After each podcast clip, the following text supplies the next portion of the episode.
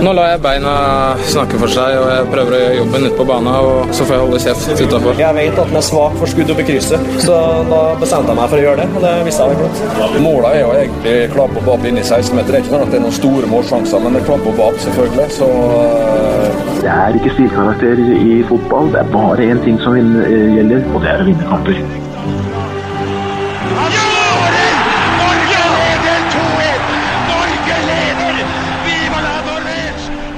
Og der er uh, toppfotball uh, tilbake igjen. Uh, episode nummer 86. og nå går det radig. I dag har det blitt sluppet Dvs. Si, den er jo ikke sluppet ennå. Den er jo sluppet når du hører den. Ja, det bør den nå, være. Nå går det radig. Kort tid mellom episodene. Det er, ikke, det, er ikke, en trend vi kommer til å fortsette, men, men, det er så mye som skjer nå i norsk fotball. Med, med Post Nord som allerede har tjuvstarta.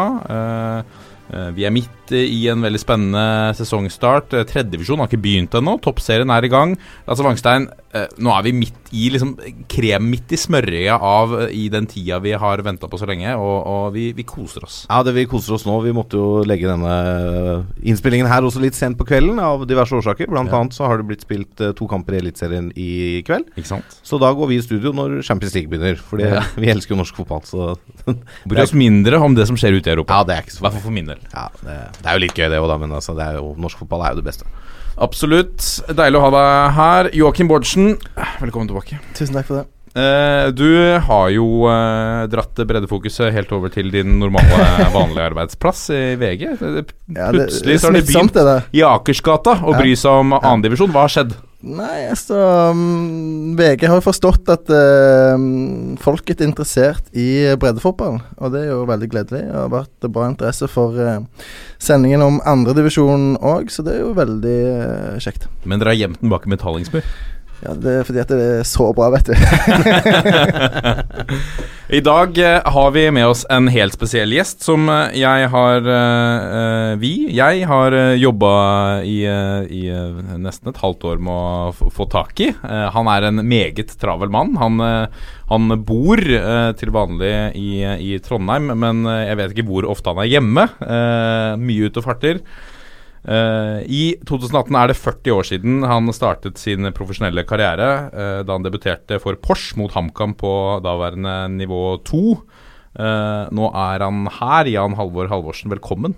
Tusen hjertelig takk. Det er, det er stort å ha deg i, i, studio. Det var hyggelig å høre, og jeg syns det var kjekt at jeg endelig fikk det til. Ja. jeg husker deg personlig veldig godt som, eller aller best kanskje som starttrener. Uh, du var i, i, start fra Å, når var dette? Uh, fra 99 til 2002? Ja, stemmer det. Uh, og så har du jo vært innom en, en rekke klubber som, som, vi skal snakke mye mer om utover i sendingen. Men du har jo også en, en fantastisk spillekarriere. Hvordan, hvordan, begynte, hvordan, begynte, det hele? Hvordan, var det et eller annet punkt i livet som du husker at du skjønte at jeg skal bli fotballspiller? Ja, det var ganske tidlig. Jeg vokste jo opp i Bamble, eller Sortebogen, uh, bitte lite sted, uh, og spilte der. Uh, og så jobba jeg på en bensinstasjon borte i Bamble hver sommer for å tjene litt penger. Og da var det en lastebilsjåfør som var oppmann på Porsche, og som gjerne ville ha meg til Porsche. Og da var jeg 13 år. og det hadde jeg lyst til, for jeg hadde ambisjoner. Så da meldte jeg overgangen til Porsche, og så haika jeg att og fram da fra Bamble til Porsgrunn på hver trening. Fantastisk. og etter det, vi må Etter det så gikk uh, turen, og vi skal innom uh, flere av disse klubbene i løpet av sendingen. Uh, noe mange ikke vet, i Ipswich. Det gleder vi oss å høre litt mer om. Eik Tønsberg, Jerv, Brann, Start, Hertha Berlin, AGF Aarhus, Sogndal, Rosenborg og Byåsen. Og det er bare som spiller. Ja, det, det har vært ble jo 18, 18, eller 19 år, så det har vært en lang karriere både inn- og utland. Uh, så jeg stoppa jo uh, Jeg fikk jo en stor skade, så jeg la jo opp etter 95-sesongen i Rosenborg. Og begynte å trene Byåsen i 96. Og ja. heiv meg sjøl inn på én kamp uh, mot Åsane borte. jeg tror jeg sto med én kamp for Byåsen. Som, da var du spillende trener? Ja. ja ikke sant. Ja. Det er litt sånn Ruud Gullit over det. Jeg husker han som slang seg selv innpå mot Tromsø. Det gikk ikke like bra, mener jeg å huske. bytta du deg selv inn som spist, eller var det som midtstopper? Nei, det var sånn, eh, sånn anker foran uh, stopperne hvor vi skulle sikre et poeng. Så det var ikke noe oppvarming, det var bare rett ut og så spille, spille i fem minutter. Jeg tror ikke jeg var borti ballen heller. Herlig. Vi eh, skal eh, snakke selvfølgelig mye mer om deg og med deg, eh, Jan Halvor. Før vi ruller i gang, Lasse, har vi noen ratings som vi skal dele? Ja, vi kan jo jeg, det, det var en ganske lang en i dag. Oh ja, ok. Og jeg trodde et lite øyeblikk at det var fra en tidligere fotballspiller. Helt til jeg skjønte at jeg hadde lest navnet feil. Han heter Trond Ludvig Fredriksen. Oh, en Ja. omvendt variant. En liten omvendt variant der. Uh, og han sier at uh, vi er fylt av kjærlighet til norsk ball og spennende gjester og bredt spekter av diskusjoner. Han uh, sier at Kjernås er et leksikon, og at herrene Wangstein og Roppestad ikke gjør seg bort. Det er hyggelig, da. Men han gleder seg til Heather Locklear? Ja, vent nå. Han gleder seg til Heather Locklear returnerer til podden, altså Lilleheie, Ja. selv om Bårdsen er en god erstatter. Heia HBK. Hønefoss. Eh, ja, tydeligvis. Må være det. Ja, fem stjerner. Og så har vi en som um, syns vi er en bra podkast med litt mye fantasy til tider. Oh, ja. uh, men det er uh, Og han syns det er dumt at Håvard ikke er med, for det var fa- favoritten hans. Men ellers en bra pod om norsk ball. Tre Ja. stjerner der også. Men uh, fantasy har vi ikke snakka så mye om i år, så da gleder vi jo denne vedkommende, som jeg glemte navnet på i farta. I dag skal vi vie mye tid til eh, vår kjære gjest eh, Jan eh, Halvor Halvorsen, selvfølgelig. Vi skal også innom spalten En av mine personlige favoritter, Rundens øyeblikk. Det var mange gode øyeblikk fra, fra runden som var. I Pulsen skal vi bl.a. snakke om en kamp hvor lyset gikk. Eh, det blir eh, spennende. Eh, og, og vi skal touche innom en, denne berømte statistikken som jeg, jeg må innrømme jeg nå har trukket fram enda ytterligere fram i lyset i en sak i Nettavisen, Lasse. Fordi det er visst en forbannelse som hviler over Vålinga og tidligere Vålinga-spillere. Det ser sånn ut. Det kan se sånn ut. og vi skal selvfølgelig se nærmere på neste eliteserierunde. Dette er toppfotball. Jan eh, Halvor Halvorsen, eh, det begynte med at du, du haika, eh, haika til kamp og trening i Pors. Hva, hva skjedde så? Hvordan, var, hvordan startet karrieren din? Nei, altså jeg var jo eh, Til å begynne med så var jo jeg spiss. Eh, jeg var jo en målskårer i, i mine unge dager. Eh, litt tilfeldig at jeg ble forsvarsspiller, og det, det er en litt artig historie. fordi jeg var guttespiller, førsteårs guttespiller, og så ble jeg tatt ut og spille på juniorlaget til Porsche i en treningskamp eh, mot Brevik. Og da eh, skulle jeg komme innpå ja, i pausa, så han eh, juniortreneren sa til meg at eh, du må spille midtstopper. Og jeg hadde aldri spilt eh, forsvar, jeg hadde kun spilt eh, offensivt. Eh, og han spissen til Brevik var kretslagsspiller, så jeg fikk beskjed om at jeg skulle følge han overalt på banen, og, og ikke la han skåre. da. Så, så det var oppgaven min, og det var faktisk starten på egentlig hele min karriere. Eh, fordi eh, eh, jeg fulgte jo han da eh, i 45 minutter, og var vel 10 cm unna han hele tida. Og eh, da ble jeg jo midtstopper etter det. Og eh, i Berlin så spilte man jo manndekker, altså markeringsstopper. Hvor man får da utdelt eh, spissen til motstanderen, nummer ti f.eks. Han skal følge oss hele kampen, han skal ikke skåre. Så det ble liksom starten på den karrieren min som egentlig som eh, markeringsstopper. Så, og det spilte jeg også i Århus eh, i tre år der, markeringsstopper. Det høres veldig slitsomt ut, og litt sånn lite kreativt. Det er jo Ja, det var, eh, for å si det sånn, da, det, det, er ganske belastende. fordi du kunne gjerne, sånn som i Tyskland, da, det var jo ganske mange gode spillere, spesielt når vi var i Bundesliga. så hadde du kanskje gjort jobben i 75 minutter på spissen, så kom det en liten eh, fresk kjapp en inn, som du da skulle ta over. Det var ikke alltid like behagelig. det er mye lettere å spille i en eh, vanlig backfire hvor det er sone, for å si det sånn. Ja, som trener, vi skal innom trenerkarrieren, men var du, eh, var du fan av å bruke markeringsstoppere der, eller var det mer sone? Nei, nei, da helt annerledes. Ja. Eh, og jeg var jo defensiv spiller i hele min eh, karriere, da. Utenom til å begynne med når jeg var eh, smågutt og guttespiller. Men som trener så er jeg egentlig blitt eh, altså, motsatt. Jeg er veldig sånn offensivt tenkende trener, og det kan jo henge med at, eh, at man som spiller da nesten aldri fikk lov til å gå over midtstreken. Så, eh, det, og det, det, kan man se på en del trenere også, som har, kanskje har vært forsvarsspillere, men uh, som blir trenere. Og så blir de da får de en litt sånn litt mer offensiv tankegang som trener. Ja, Pep Guardiola var vel defensiv midtbane for Barcelona. Ja. Og han er jo ikke kjent for å være sånn veldig defensiv i Nei. måten laget han spiller på. Nei, det er sant. Ville treneren Jan Halvor hatt sansen for uh, spilleren Jan Halvor, da? Ja, helt klart. så det, det, tror jeg Jeg var jo en helhjerta spiller da, som uh, ofra alt i hver kamp. Og før i tida så var det det er jo ikke sånn som nå. Er det litt blod, så må det ut. Men før i tida når jeg spilte, så var det stort sett blodet rant etter hver kamp, og man spilte bare videre. Så, så jeg tror nok det, ja. Men det er jo sånne typer som norsk fotball har savna litt. Og den klassiske tøffe stopperen som er, er god til å hindre motstanderen fra å komme til sjanser og skåringer. Det det, er jo det vi har verka etter i lang tid her nå. Ja, helt, helt, enig. og Det er jo det som har vært litt i, i norsk fotball, eh, også på landslaget, med at man har savna litt den, den, typiske midtstopperen, eller forsvarssjefen, som, som er forsvarsspiller. Eh, veldig ok å få utvikla forsvarsspillere eller midtstoppere som også er bra med ballen og, og kan sette i gang spillet, men eh, jeg mener jo at eh, hovedfokuset må være for en midtstopper det er at eh, man skal hindre motstanderen å skåre mål. Det, det er liksom første budet. Hva tenker du om eh, sånn som Kristoffer Ayer eh, nå, da? Er han en type som passer inn det, eller er han litt for glad i ballen? Nei, jeg er veldig glad for å se at, at landslaget har fått, får han nå. De kommer til å ha han i 20 år framover. Og spiller jo i Celtic, som er selv om de er dominerende der borte, en, en tøff liga. Så han har jeg kjempetrua på. Og han er jo også i tillegg også bra med ballen, i og med at han er omskolert. Han var jo midtbanespiller, spilte mye på midtbanen i start.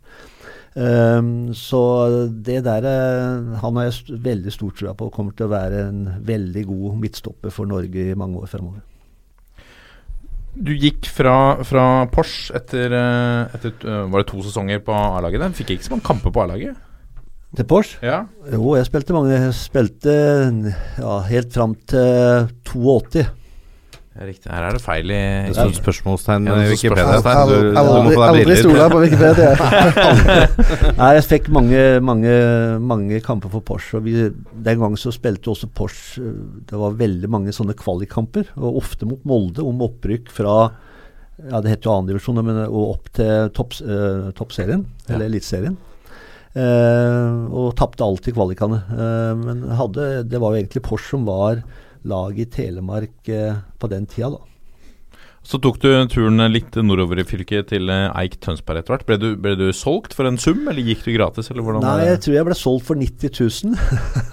og Eik hadde rykka jo opp i 82 og spilte jo i, eh, i Eliteserien i 83, og det var jo eh, 83 var jo et fantastisk år. Med, vi hadde vel et snitt i Tønsberg på 10 000-11 000. Jahn Teigen var jo ivrig. Vi hadde jo Jahn Teigen på kortbuksa. Og første seriekampen i 83 på gressbanen så kom han direkte fra Grand Prix og landa med helikopter i midtsirkelen. Eh, så at, og Da hadde vi et veldig godt lag og fikk jo femteplass i, Eliteserien det året med Eik. Masse spennende, artige spillere. Var det noen treningskamp mot United og sånn på den tida, eller var det etter? Ja, jeg husker ikke det Det husker jeg ikke, for å være helt ærlig. Nei. Jeg tror vi spilte mot Ajax en treningskamp på gressbanen. Ja. Så eh, Eik, Eik Tønsberg eh, videre. Du, du, du har vært en, en, en, Ikke en nomade, men du har, vært, du har opplevd mange klubber. Du fikk med deg et eh, år i Jerv også? Ja, det var fordi på siste året mitt i, i Eik så hadde jeg, var jeg skada begge tærne mine, stortærne mine, så jeg måtte gå på sprøyte før hver kamp et år, faktisk. Uh, og da hadde jeg en uh, operasjon hvor jeg stiva stårtå, begge stårtærne i 85. Mm.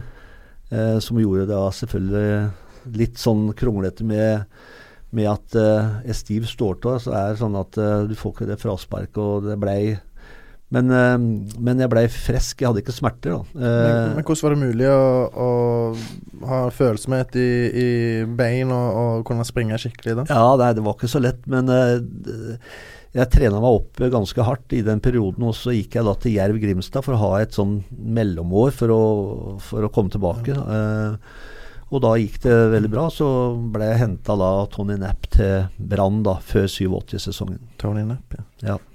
Og nå er vi i, i eh, 86 87. 87. mm. og hvis vi skrur eh, klokka fem år tilbake der, så eh, For det det veldig mange ikke vet, og det som, eh, som er litt farlig med Wikipedia, er at man, man, eh, man fester seg ved det som eh, står der, og så tenker man at det er virkeligheten. Men sannheten er at du var den andre nordmannen i engelsk eh, ligafotball. Ja, jeg tror det var andremann som spilte en seriekamp. da. Jeg var jo i Ipswich eh, og spilte på reservelaget. mm. Seriekamp. Eh, jeg var jo bare 18 år. eh, og Bobby Robson var jo manager, og de hadde jo et kanonlag. eh, alle de kjente gamle stjernene. Paul Mariner, Mick Mills, Terry Butch. eh, eh, og så hadde de to hollendere på midtbanen, Arnold Myhren og Frans Thiesen, som spilte der. Terry Butcher, apropos spillere som blødde for drakta. Ja, ja. Når du Ja. nevnte det, sa at det var Ja. ikke så farlig om du blødde litt. Det var bare å hive deg på igjen. Det var bare, bare Tøff konkurranse om plassen det. ja da. Nei, så jeg var, skulle egentlig signere en toårskontrakt, men uh, på den tida så var det veldig vanskelig med arbeidstillatelse, så jeg måtte dra hjem. Jeg var der vel i ni eller ti måneder. Men du fikk oppleve da eh, engelsk fotball på, da det var liksom på sitt mest, ekte, kanskje? Før, eh, før eh, fancy biler, eller, eller var det litt sånn glamorøst på den tida også? Nei, ikke, i- ikke den grad. Det var det ikke. Så, men eh, de var jo stjerner på den tida, og de, de kjente spillerne. Så, men Men hvordan var de gutta der? Hvor, hvor røft var det miljøet? Nei, det var ganske tøft. Jeg husker jeg, jeg var jo bare 18, eh, sånn at jeg ble jo med på en julefeiring med en del av disse her gamlingene. da, Og måtte synge eh, bjelleklang da, på, på norsk for de. Uh, så de tok meg med, og det var veldig sånn eh, sosialt sånn i forhold til at de, de tok vare på de, de unge, og spesielt de som da var som ikke var fra England. Men det er ganske tydelig hierarki på den tida, var ikke det? Det var det. det var bare å pusse skoa til stjernene, og det var ikke noe, det var ikke noe sutring på det. Men, men uh, hvordan var uh, Man har snakket om at uh, på den tida også så var det litt mer sånn liberalt. Man gikk ut og festa etter kamp. Og, og hvordan var de forholdene der? Nei, det vet jeg ikke. Fordi jeg, jeg bodde jo hos en familie, jeg og to andre unge spillere. Så var jo egentlig ikke så vannkakk så mye med, med disse A-lagsspillerne. Men det var, nok, det var nok en del tøffere på den tida enn det er nå. Har du plukka opp noe fra den tida som du liksom har tenkt at du har brukt senere som spiller eller som trener, eller eh? Nei, egentlig ikke. Eh, ikke som trener. Det var mer sånn eh, Spillestilen jeg hadde på den tida, var, var litt, litt engelsk, for å si det sånn. Eh, med duellspill og taklinger og, som, som var min styrke. Da. Så det passa egentlig inn bra der borte. Ja. Vi må Altså, det, er- det er så mye vi kunne angrepet Jeg sitter, eh, her. jeg sitter egentlig bare og venter til vi kommer fram til 1989. Det er jo det som jeg gleder meg til her. Skal vi hoppe til 1989 og, og, og en, en ganske interessant periode å være fotballspiller i Hertha Berlin? Ja, det var eh, Jeg flytta ned på sommeren eh, 89, og Uh, murens fall uh, var jo i november. uh, og det var eh, veldig fascinerende, fordi vi eh, en del av gutta på laget vi pleide å Man veksla jo på svartebørsen, ikke sant. Og så dro man over gjennom Checkpoint Charlie over til Øst-Berlin. Og så spiste man en god middag og, og fikk jo ti ganger pengene, da. Eh, men man måtte være tilbake igjen før klokka tolv gjennom Checkpoint Charlie. Hvis ikke så måtte du være her til neste dag. Så da husker jeg faktisk eh, Dette var vel en måned, halvannen før muren falt. Det var en taxisjåfør som kjørte oss bort til Checkpoint Charlie. Så, og da sa han at det største ønsket mitt en dag, en vakker dag, var å kunne ta den bilen og kjøre igjennom og over på den andre sida. Så han har jeg tenkt på ganske ofte, for det, dette var ja, halvannen måned før muren falt. Så så det var en, eh, en historisk begivenhet å være med på. Var du i byen den dagen de begynte å rive muren? Ja, jeg var det. Så hakka til og med av noen biter av muren som, som Ja, du var med på den? Jeg var med litt, grann, ja. Fantastisk. Det er helt utrolig, Ja. faktisk. Altså det Altså, øh, jeg var elleve år uh, den høsten, og det er, det er et minne som sitter brent i hjernen. Altså de nyhetssendingene Fra da folk sto, som du sier, og Ja. hakka, Ja. hakka muren og hoppa over, og eh, det var gjenforeninger og liksom folk som Det var eh, Ja, det, det, det er store historiske øyeblikk, altså. Ja, det, det var helt fantastisk. Og jeg husker eh, de fortalte meg i, i klubben at uh, på den andre sida så blei det en veldig mange sånne uh, Herta-fans. Uh, og jeg husker første kampen etter muren uh, var, var revet ned. Så hadde vi hjemmekamp, og da la klubben ut at alle derfra fikk halv, halv pris. Og da kom, husker jeg vi satt på spillermøte, eh, og da kom alle disse her småbilene, eh, trabantene kjørende ikke sant, fra, fra Øst-Berlin, og de endelig skulle de på Herta-kamp igjen. Og da vi hadde vel det var vel en 65 000-70 000 på den kampen, så det var en fantastisk opplevelse. Hvordan var den stemningen da, når alle var forent uh, plutselig? Jo, det var uh, helt, helt, uh, det var helt spesielt.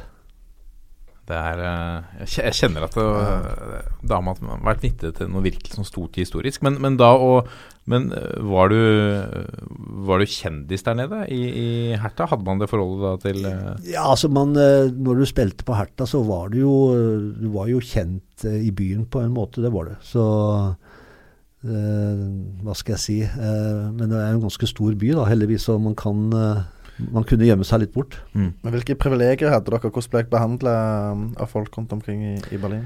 Nei, det var veldig, veldig ok. Eh, Det var jo selvfølgelig ettersom hvordan resultatene var, da, som alle andre plasser. Men uh, uh, veldig god tid uh, der nede. Eh, så jeg var jo også kaptein der siste året jeg var der, så at det, det var en veldig fin tid. Og så traff jeg kona mi der nede også i 89, så det var jo ekstra bra. Ja, ikke sant. Du nevnte at du ble solgt for 90 000 til Eik Tønsberg. Var det en overgangssum involvert da du gikk til Herta? Nei, for det var veldig spesielt. Det er en litt artig historie, fordi jeg spilte jo i Brann 87 og 88. Vi spilte jo tre cupfinaler på to år. Eh, Vi tapte etter ekstraomgang mot Bryne i 87, og så hadde vi en dobbeltkamp mot Rosenborg i 88. Ja, stemmer. Og så var det økonomisk trøbbel i, i eh, Brann, eh, som gjorde at alle måtte gå ned 20% i lønn. Eh, men det nekta jeg, fordi jeg tjente 5000 brutto i måneden. Eh, Og da sa jeg at det kan jeg ikke, for da, da, da er det jo ikke noe igjen. Nei. Og da, dermed så gikk jeg gratis. Så jeg gikk gratis til Hertha Berlin. Det er eh, må sies å være et røverkjøp. Tenk deg altså den, den dag i dag å sikre seg en, en kaptein et par år etterpå gratis fra, fra, fra Norge. Fra Norge, ja. ja det er sterkt. Eh, og så etter eh, du, du dro i, i eh, 92. Hvorfor ble det ikke flere år i, i Berlin? Nei, altså da eh, fant vi ut at vi hadde lyst til å flytte litt nærmere, eller tilbake til Skandinavia. Eh, så fikk jeg en telefon fra Jon Stampe i AG på Århus. Eh, og da, da dro jeg dit, og det var tre fantastiske år eh, i Århus. Eh, to av sønnene mine er også født i Århus. Eh, så blei vi da De kjøpte inn to midtstoppere på den tida de kjøpte meg fra Harta Berlin, eller henta meg, og så henta de Kent Nilsen fra Aston Villa som også spilte midtstopper på det danske EM-laget som vant. Eh, for da hadde de kvalifisert seg til kvartfinalen i, i uh, cupen. Så de satsa veldig på å komme til cupfinalen. fordi det året så bygde de om parken, så at det, det var avtalt at uh, cupfinalen skulle gå på Åre stadion. Ja. Så kom vi til cupfinalen og møtte da FC København. Det het jo B1903 den gangen, da. Som var store, store favoritter. Og det var jo utsolgt stadion 25 000, og vi vant 3-0 og ble cupmestere, så det var, eh, var helt fantastisk. Vi har, vi, altså her oppe på berget så har man en sånn tanke om at uh, cupfinalen det er, liksom, det er stort i Norge, og så er det FA-cupen i England. Mm. Så er det i, i Sverige og de andre landene Så er det litt sånn så som så med cupen. Når du hører om det, så er det jo ikke Altså En cupfinale i Danmark er ikke ubetydelig, den altså. Nei, den er ikke, den var i hvert fall ikke det da, og, og, og det var litt spesielt også det året, i og med at uh, finalen skulle gå i Århus. Så det var en fantastisk dag, og, og vi var liksom ikke levna så store sjanser mot det stjernelaget til B1903, da, så vant vi 3-0. Men du har vært i mange klubber, og Århus var jo ikke den siste. Men um, gikk det alltid fint? Var overgangen alltid grei, eller møtte du motstand noen steder? Nei, det gikk eh, Det gikk stort sett bra overalt, egentlig. Sånn i forhold til de valga jeg tok. eh, magefølelsen stemte stort sett ganske bra. Eh, og kan du si spillestilen min blei jo I Danmark så var det litt sånn spesielt, fordi når jeg kom dit med min type som midtstopper, så var det liksom litt Oi, han Men det blei jo veldig godt mottatt. Og jeg er jo faktisk æresmedlem av, av fanklubben i AGF, så jeg får et sånn blad en gang i måneden. Og var bedt ned der nå i fjor mai, hvor vi ble he... Altså, det var vel eh, øh, 20 år siden, eller det var noe sånn jubileum da, på det laget som vant cupfinalen. Eh, sånn at eh, i pausa i kampen så var- det laget ute på banen da, eh, i midtsirkelen og fikk en liten hyllest fra den tida. Så det var jo kjempeartig. Hva slags eh, forhold har du til, de andre klubbene du har spilt for? Er det noe du følger med på litt eh, ekstra, f.eks.? Nei, jeg følger jo AGF følger jeg jo veldig tett. Eh, ellers de klubbene i Norge så har jeg jo venner i stort sett i alle klubbene jeg har, har vært. Og føler at jeg er heldig, fordi jeg har, egentlig ganske godt forhold til alle eh, klubber jeg har vært i. Og, og i fotballen så Fotballen er jo ikke så eh, så stor. altså Man treffer alltid på igjen kjente hvor man kjenner fra, fra klubber man har vært i. Så, så jeg er veldig glad for at jeg har et godt forhold til de fleste steder jeg har vært. Men du hadde en eh, du, Dere vendte hjem etter, eh, etter eh, noen år utenlands, og da gikk turen til Sogndal. Ja, Da gikk turen til Sogndal, og de hadde så å si rykka ned på sommeren der. Så dro jeg dit sammen med ja, det var en til som kom den sommeren. Og vi holdt faktisk på å berge plassen. Det var siste kamp mot Bodø borte som var avgjørende. Som, men rykka ned, da. Og da, da begynte jeg å gå mot slutten, og da, da ringte Rosenborg og lurte på om jeg ville være cover da, for, eh, for Hoftun og Brakstad, altså, eh, som en sånn på slutten av min karriere, og det sa jeg ja til. Eh, og spilte jo litt eh, treningskamper på vinteren og trena, men fikk en stor skade i låret. Og gikk et år skada og hadde en stor operasjon, og da, da følte jeg at kroppen hadde gjort sitt. eh, så da, da bestemte jeg meg for å stoppe, eh, og da tok jeg over Byåsen da etter eh, fem-seks serieomganger eh, i 96 da de lå, de lå helt på bånn eh, av tabellen. Eh, så det var, da begynte trenergjerninga. Du nevnte du var kaptein i Herta, men når merka du at du hadde lyst til å ta treneryrket etter endt karriere? Var det noe som kom sånn bardus på, eller var det en lengre prosess? Nei, det var en lengre altså det, Jeg begynte å forberede meg ganske tidlig. Og spesielt når jeg kom til Trondheim, så var jeg veldig fascinert av Nils Arne sin tankegang om fotball, spesielt den offensive biten. Eh, som jeg syns var genial. Altså tankemåten hans og de tinga han eh, jobba med. Så jeg begynte å følge veldig med. Eh, notere meg ting og eh, studerte liksom måten han jobba på og tenkte på. Eh, så jeg, jeg begynte å forberede meg ganske lenge egentlig på det. Hva var det mest krevende med overgangen til å bli trener? Nei, til å begynne med så var, så var det jo ikke så ille. Men etter hvert, da, når man blir eldre som trener, så er det jo stor forskjell på å være trener og spiller. Fordi når du er spiller, så gjør det feil kampen. Du kan være skuffa sånn og sånn, men eh, du klarer å legge den bort. Men eh, som trener så har du liksom det er som, altså, Du er inne i ei boble eh, hele tida. Eh, og det er klart at når du holder på år etter år, så, så så svirrer det ting oppi hodet altså nesten 24 timer i døgnet uten at du klarer å få det ut. da. Hva er det du tenker mest på da eh, gjennom ei uke? Nei, det er, vinner man så tenker man alltid på ja, er det ting man kan gjøre bedre, hva var det som fungerte. Taper man så begynner man jo å tenke på ja, masse forskjellige ting.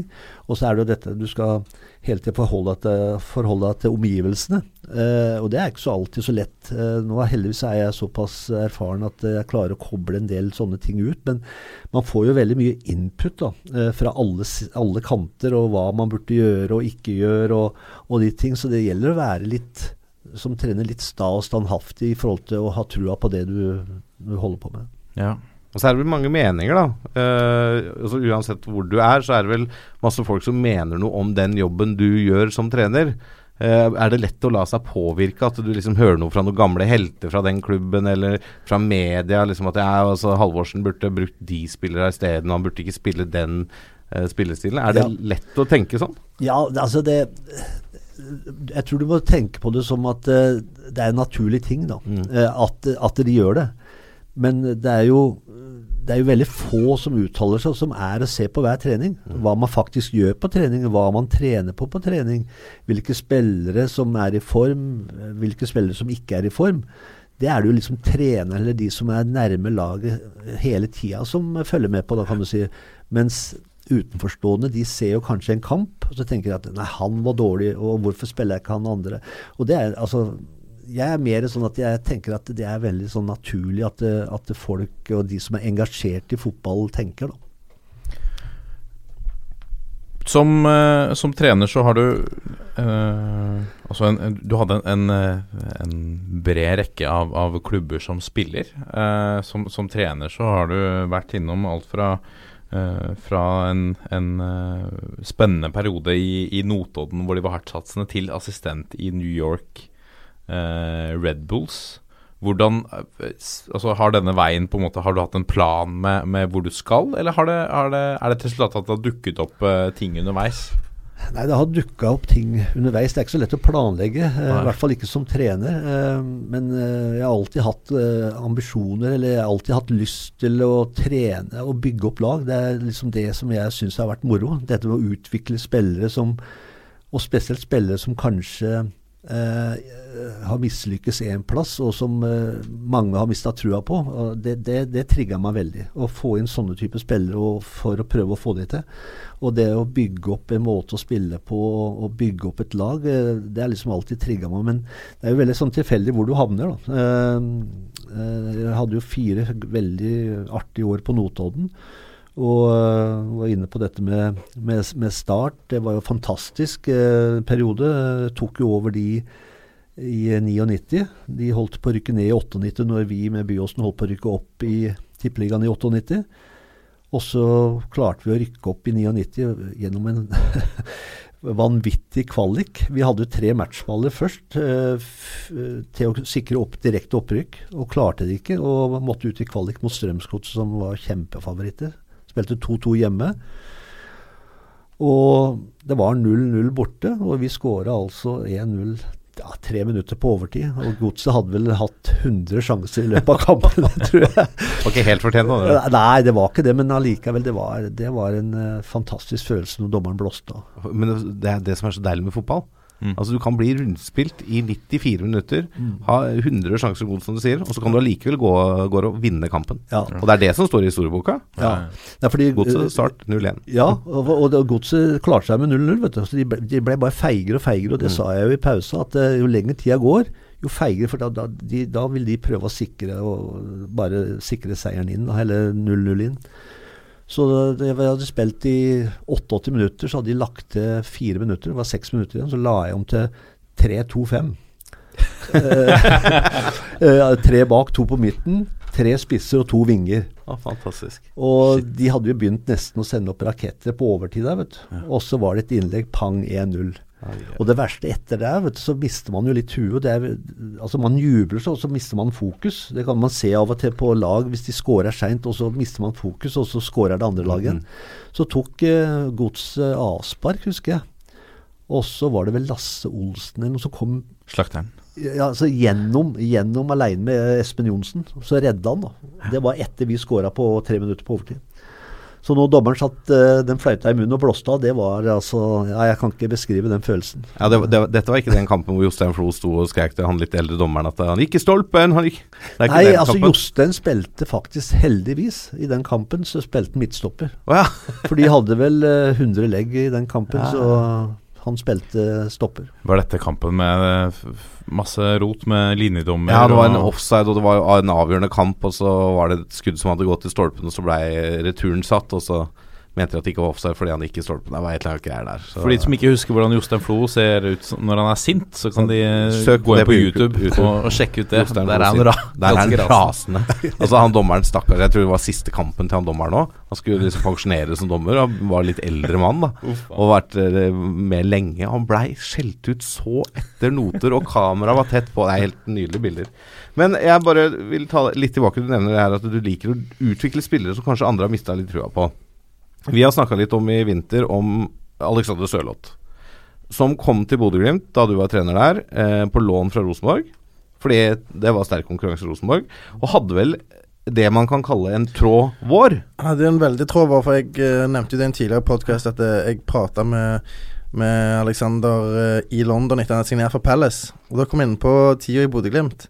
Eh, jeg kan jo gjenta det han sa til meg da. Det var at han hadde en, en vanskelig start på oppholdet, og, og sa at han satt i en eh, bekmørk eh, kjeller i, i Bodø og lurte på hva han egentlig holdt på med, og, og vurderte om han bare skulle gi opp eh, håpet om å bli en toppspiller. Men eh, så fortsatte han jo, og da fikk du maks ut av han. Ja da, så når han kom så, så øh, Han hadde jo ikke så veldig stor selvtillit. Altså, det var jo en del sånne eh, Hva skal jeg si Du har jo blitt vurdert som ikke god nok i Rosenborg. Ja. Så. Sånn, sånn at det, vi brukte litt tid, og, og han har jo, hadde jo bodd hjemme hele tida. Og, og jeg trodde jo sånn på sikt at det ville være bra for han også, og liksom å flytte litt fra, bort fra Trondheim, starte på en ny giv i Bodø. Og, og klubben gjorde en fantastisk jobb etter hvert og fant eh, altså fulgte den opp veldig i forhold til det du snakker om dette med leiligheten og sånn.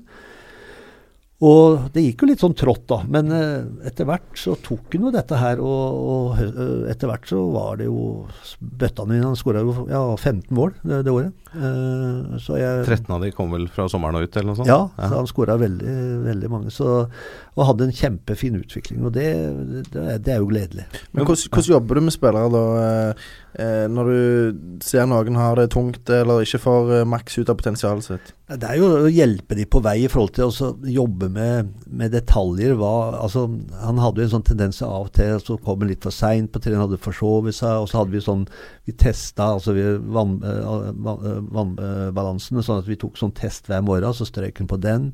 Men etter hvert, da, eh, når han begynte å catche dette her og, og være forberedt, godt forberedt til hver trening, så var framgangen veldig stor. Men der er det noen trenere som uh, kan ta f.eks. Uh, jeg kan se for meg at uh, José Mourinho vil uh, skjelle ut den eh, fyren som kom for seint på trening når du har fått den muligheten i så ung alder. Ja, jeg tror, jeg tror altså, Hvis du tenker deg Rosenborg, som er det største i Norge, egentlig, så tror jeg det kan være lettere da, for enkelte spillere eh, å komme til en litt mindre klubb.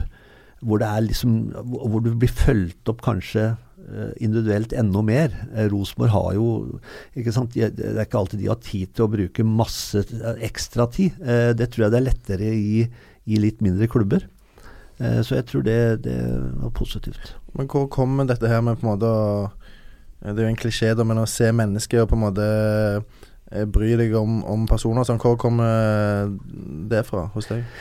Nei, altså jeg har vel alltid vært sånn øh, Jeg har jo mange tilfeller av en del spillere som jeg har brukt utrolig mye tid på. øh, privat, altså sånn For jeg jeg har sett gevinsten av å gjøre det. øh, for å kunne få maks ut av de, da. Du hadde jo en annen eh, spiss eh, rett før Sørloth i, i Balajab, som du òg uh, forvandla om til en uh, topp eliteseriespiss. Ja, han hadde jeg jo henta jeg jo til Notodden. Han uh, gjorde det bra for meg der. Uh, Uh, kjente han godt. Jeg, når jeg henta han til Bodø, så var det mange der oppe som lurte på Nei, vi kan ikke hente han. Uh, han har jo ikke vært noe bra, og det er bare problemer. Og, men da sa jeg bare han skal jeg ha. Han kommer til å skåre mye mål her, eh, garantert som spiss. Eh, og eh, Ibba takka for tilliten. Og det som er litt artig med, med Ibba, da, er jo at eh, jeg har lagt ned veldig mye jobb og timen. Eh, kjempeglad for at han lykkes. at han nå er i utlandet, gjør det veldig bra, tjener bra med penger. Eh, og han har vært evig takknemlig, eh, og det, det setter jeg pris på. Eh, så, så det er en sånn ekstra seier når man er trener. Hvis du bruker mye tid på enkelte, og, og de lykkes og får det til, da blir jeg veldig glad. Ja, for en ting er, som du sier, at du ser et potensial her i å oppnå gode resultater. Men, men det er noe mer enn bare å vinne kamper vi snakker om her. Altså, Det er, virker som det er noe i deg som, som higer litt etter å, å se folk ta et nytt steg og utvikle seg. Eh, ta et potensial, ta et kanskje et uforløst potensial og, og få det i blomst. Ja, det, det er det som jeg var inne på i stad, det har trigga meg hele tida. Altså det, det å jobbe med mennesker og det å kunne få til noe, øh, at, å få utvikla noen og hjelpe de på vei til å lykkes, det, det er noe som jeg alltid har syntes har vært veldig bra. Jeg elsker å høre sånn sett her, fordi at jeg eh, misliker jo de som leder med frykt, og som ikke på en måte har evnen til å forstå at folk gjerne eh, har en eh, forskjellig livssituasjon enn en den som eh, på en måte presterer maks eh, hver dag, eller eh, oppfører seg etter bok og sånn som det forventes. Eh, så jeg har kjempetro på den måten å, å gjøre ting på. og og vise forståelse og, og gi folk litt tid, samtidig som du selvfølgelig ikke bare kan eh, eh, la de holde på i det uendelige. Du må jo stille krav òg, men, men eh, den måten der eh, tror jeg er mm, nøkkelen hvis du skal ikke bare få det beste ut av eh, en enkeltspiller, men òg på en måte å, å skape et sammensveisa lag som kan eh, bli et godt kollektiv. Ja, jeg er helt, eh, helt enig. Jeg har bare lyst til å spørre deg om Ibba. For jeg jobba jo i Vålerenga da han ble henta til Vålerenga, og det var jo første gang han fikk muligheten til å spille eliteserie, altså toppdivisjon. Og jeg tror faktisk han fikk omtrent minstelønn uh, av seniorspillere. Eh, Men han, det var liksom helt irrelevant, for nå fikk han i en alder av 26 år endelig sjansen på høyeste nivå, og det var for Vålerenga i Oslo. Han er Oslo-gutt. Uh, så jeg hadde jo veldig trua på at uh, Ibba skulle bli på en måte en profil i Vålerenga, men han fikk jo et halvt år på å vise seg fram, og så ble han sendt på lån til, til Stabæk. Tror du, hvis uh, det, dagens, det regimet i Vålerenga den gangen hadde hatt litt mer tålmodighet med Ibba, at han kunne blitt en profil i Vålerenga? Jeg, det er jeg helt sikker på. Jeg tror eh, ikke det at de nødvendigvis gjorde en dårlig jobb, men det er ikke det jeg sier. Men jeg tror eh, hvis de hadde kjent den eh, godt nok som jeg gjorde litt, i og med at de hadde hatt den før, eh, som type og hva, hvilke knapper man kanskje skulle trykke på for å kunne få ut det potensialet, så tror jeg han eh, kunne vært eh, en stor profil i Vålerenga. Men, men du har jo vært i, i klubber som, som eh, altså det, er, det er alltid et press å være trener i en fotballklubb uh, uansett eh, hvor du er, men, men litt som, som vi er inne på, at i klubber som kanskje Rosenborg, Brann, eh, Vålerenga, eh, Molde også til dels, men kanskje spesielt Rosenborg, Brann og Vålerenga, hvor det er det jaget og den krisestemninga hvis det går én eller to kamper på rad, og det er tap, så er det krise. Tror, eh, er, det, er det for mye eh, for mye press og for mye stress i disse klubbene som gjør at de, de ikke har tid nok til å ta vare på talentene? Ja, De har som regel st ganske store apparater, men jeg tror sånn som uh, Hvis du snakker om Ibba og Vålerenga, så tror jeg det, det er ikke så lett for de eh, som er trenere i Vålerenga og, og skal bruke da masse Altså de, de venter litt mer på at det ferdige produktet med en gang, på en måte. Altså, i Han var 26 år, ikke sant? ja, ja, 26 år, og så si at han får en sjanse i et par kamper, og så lykkes han ikke. Så tenker men så har ikke treneren den tida eh, i den type klubb, tror jeg. Altså, fordi man har det presset fra omgivelsene. og man, altså, eh, så, så jeg tror det henger litt i sammen med det. Og, og, ja. og det skjønner jeg eh, godt, at eh, i sånne klubber så må du ha resultater hele tida, og da kan du ikke gjerne gi Ibba fem eh, målløse matcher, men da syns jeg det er viktig at du forteller han hvorfor han ikke spiller, og hva han må jobbe med parallelt, eh, og hvorfor han skal spille på toerlaget, eh, og gi beskjed, og at du, du følger med han og presterer godt der, så, så vil du få sjansen igjen, istedenfor på en måte eh, etterlate et inntrykk eh, hos spillerne av at eh, eh, du ikke har tillit til han. For det er det verste du kan gjøre med en spiller. Hvis en som spiller føler at det, treneren ikke har tillit til deg, ikke ser deg, så, så føler du at det er null håp. Og da vil du i hvert fall ikke prestere maks på verken trening eller kamp. Nei, det, det, det er helt riktig. Jeg kan jo eh, si litt om en annen type spiller som jeg hadde i Sogndal. Eh, når jeg tok over Sogndal, eh, eh, og vi holdt på å ta medalje det året i Tippeligaen, og da hadde vi en spiller som het Alexander Ødegaard. En høyre, høyreving. Ja, Eh, når jeg kom opp dit, så sa alle nei, men han er så dårlig på det, han er dårlig på det. Da. Så spurte jeg liksom, ja, hva er han god på? Jo da, han var øh, kjemperask og kjempebra avslutningsteknikk. Ja, men da, da fokuserer vi på det. Eh, han var da i trygge omgivelser, skåra tolv mål i Tippeligaen det året for oss, eh, som høyreving. Eh, og ble da solgt. Eh, etter den gode sesong, eh, sesongen med Sogndal det året, så var det jo fem-seks i den elveren som ble solgt, og han var en av de. Han ble solgt til Rosenborg. Og da tenkte jeg med meg sjøl at eh, jeg er litt usikker på om det kommer til å gå bra. Fordi Uh, han som type uh, kjempegod spiller, men opp til Trondheim med de forventningene helt annet enn Fosshaugane og omgivelsene der. Og det gikk jo litt sånn som jeg, jeg frykta, sånn at det blei ble ganske tøft for han. Men Var det under deg han ble landslagsspiller? Ja. Han debuterte på landslaget som sommerlagsspiller? Ja, stemmer det. Og så skåra vel òg. Ja, det var jo det med en eh, frekk uh, utsideskåring der Ja. på landslaget. Men han eh, spilte jeg faktisk med på Viking 2. Uh, og han, han var ikke en type som likte å spille på toerlaget, for å si det sånn. Uh, og, og det viste han med, med hele kroppen eh, fra, fra sekund én. Men det er jo sånn eh, Jeg husker en match vi spilte. Vi lå under eh, jeg husker ikke hvor mye, jeg, men eh, egentlig helt hva stillingen var. Men jeg tror gjerne vi lå under 3-0, og så hadde han bare gått og sutra egentlig i rundt 70 minutter. Skåret han fire mål siste 20 rundt ja. noe sånt. sant? Og bare fordi da skrudde han på, han fikk ett- ei scoring, og så ok, da var det litt gøy å spille fotball. Og så fikk han to, så fikk han tre, så fikk han fire. sant? Ja. Og, og han var jo Hadde jo noen helt ekstreme ferdigheter. Ja, han, han, var, han var veldig god spiller, faktisk. Men du nevner dette med store klubber. Uh, du trente jo en gammel storhet, for å kalle det eh, for ikke så lenge siden. Det var vel siste trenerjobben din for klubb, Fredrikstad. Ja. Er det litt det samme der? Eh, som det kanskje er i Rosenborg og Viking, Brann og Vålerenga? Ja, du kan jo se i hvert fall på Hvis du ser mange gode fotballspillere som har vært gode i noen lag, og så kommer de til Fredrikstad, og så stopper det helt opp. Eh, det har det vært i mange år nå, egentlig. Spillere som da har lykkes kanskje mange andre plasser, men så kommer de ned dit, så lykkes de ikke. og Det, det kan ha litt med liksom forventningene, og det er et helt annet trøkk, ikke sant. Eh, du får oppmerksomhet hele, hele tida, uansett hvor du går. Og det er ikke alle som liksom eh, takler det, da.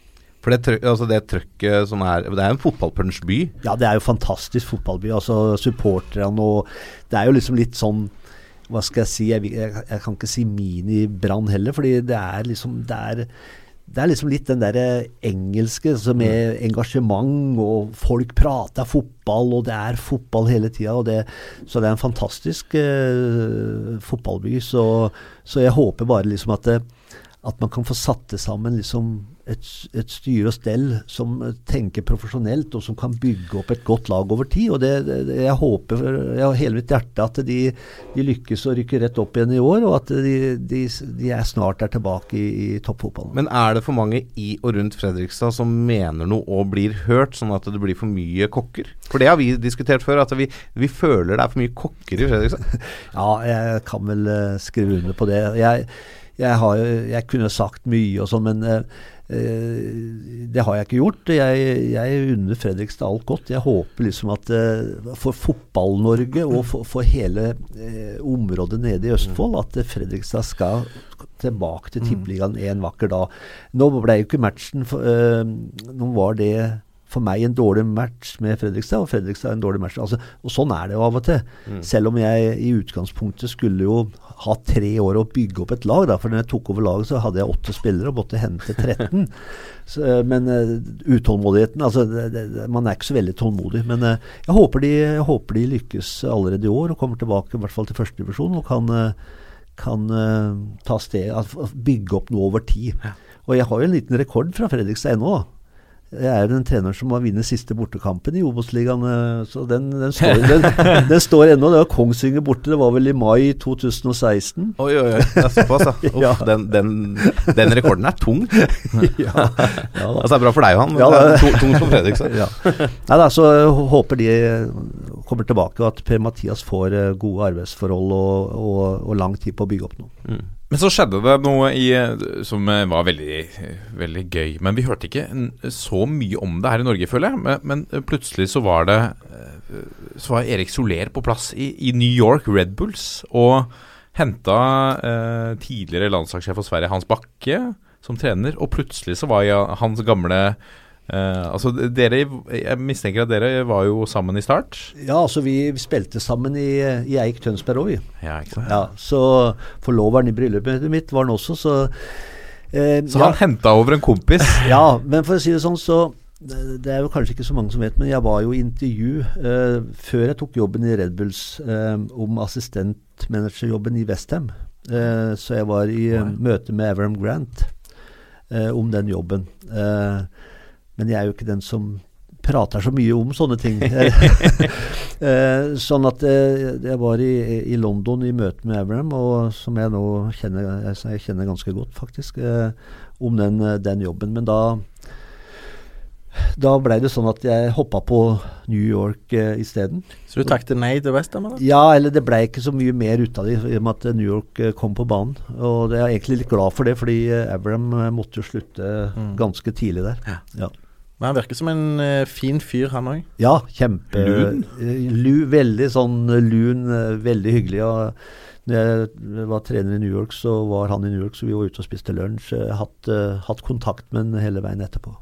Men du må fortelle litt om, om, eh, om eh, New York Red Bulls. Hvordan var, eh, hvordan var der borte? Altså, hvordan var trøkket rundt laget?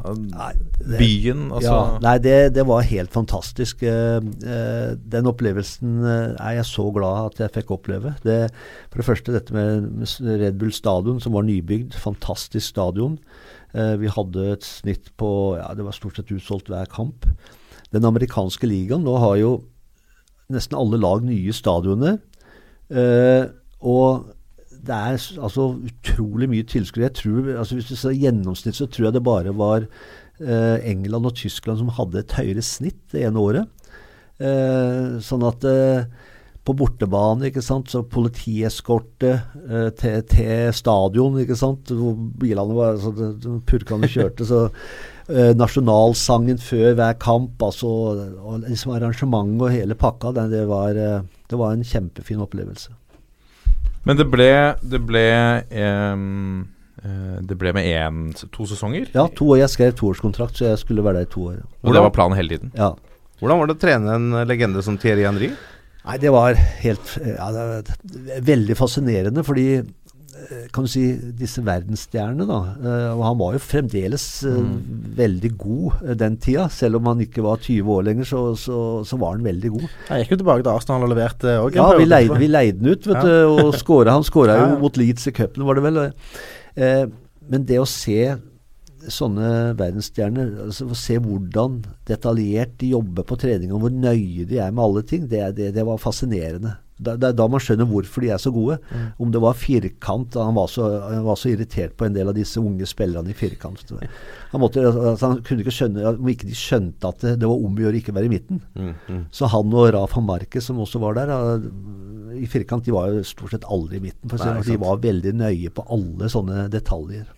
Ja, og det er jo sånne ting som du må skjønne som ung gutt òg. At eh, alt du gjør i trening må du gjøre 100 eh, men der eh, er det jo mye, mye slurv. sant? Ja, mye å gå på, for å si det sånn. Mm, ja. Og det, når man ser disse her som har vært så, eh, så gode, da.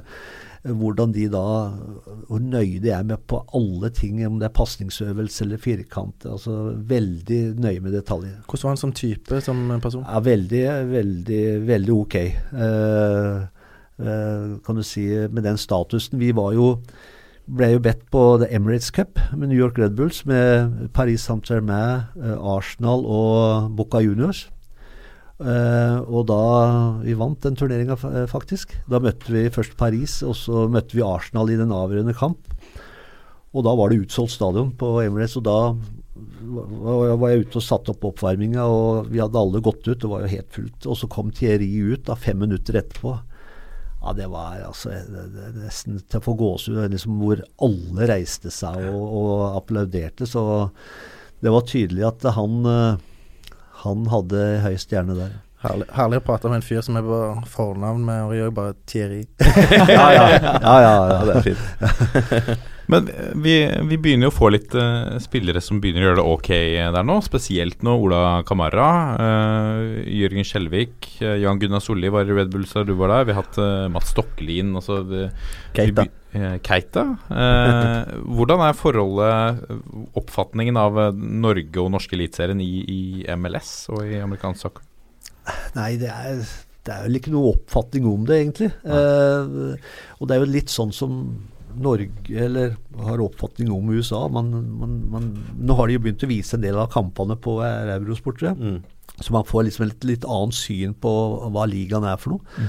Eh, men det er jo, kan du si eh, i MLS så er det veldig mye sånne søramerikanere. Mye gode tekniske spillere. Eh, men veldig ok å se sånn som Skjelvik og Kamara, nå som er i uh, Galaxy. Uh, så jeg tror de, jeg tror de syns det er en god opplevelse.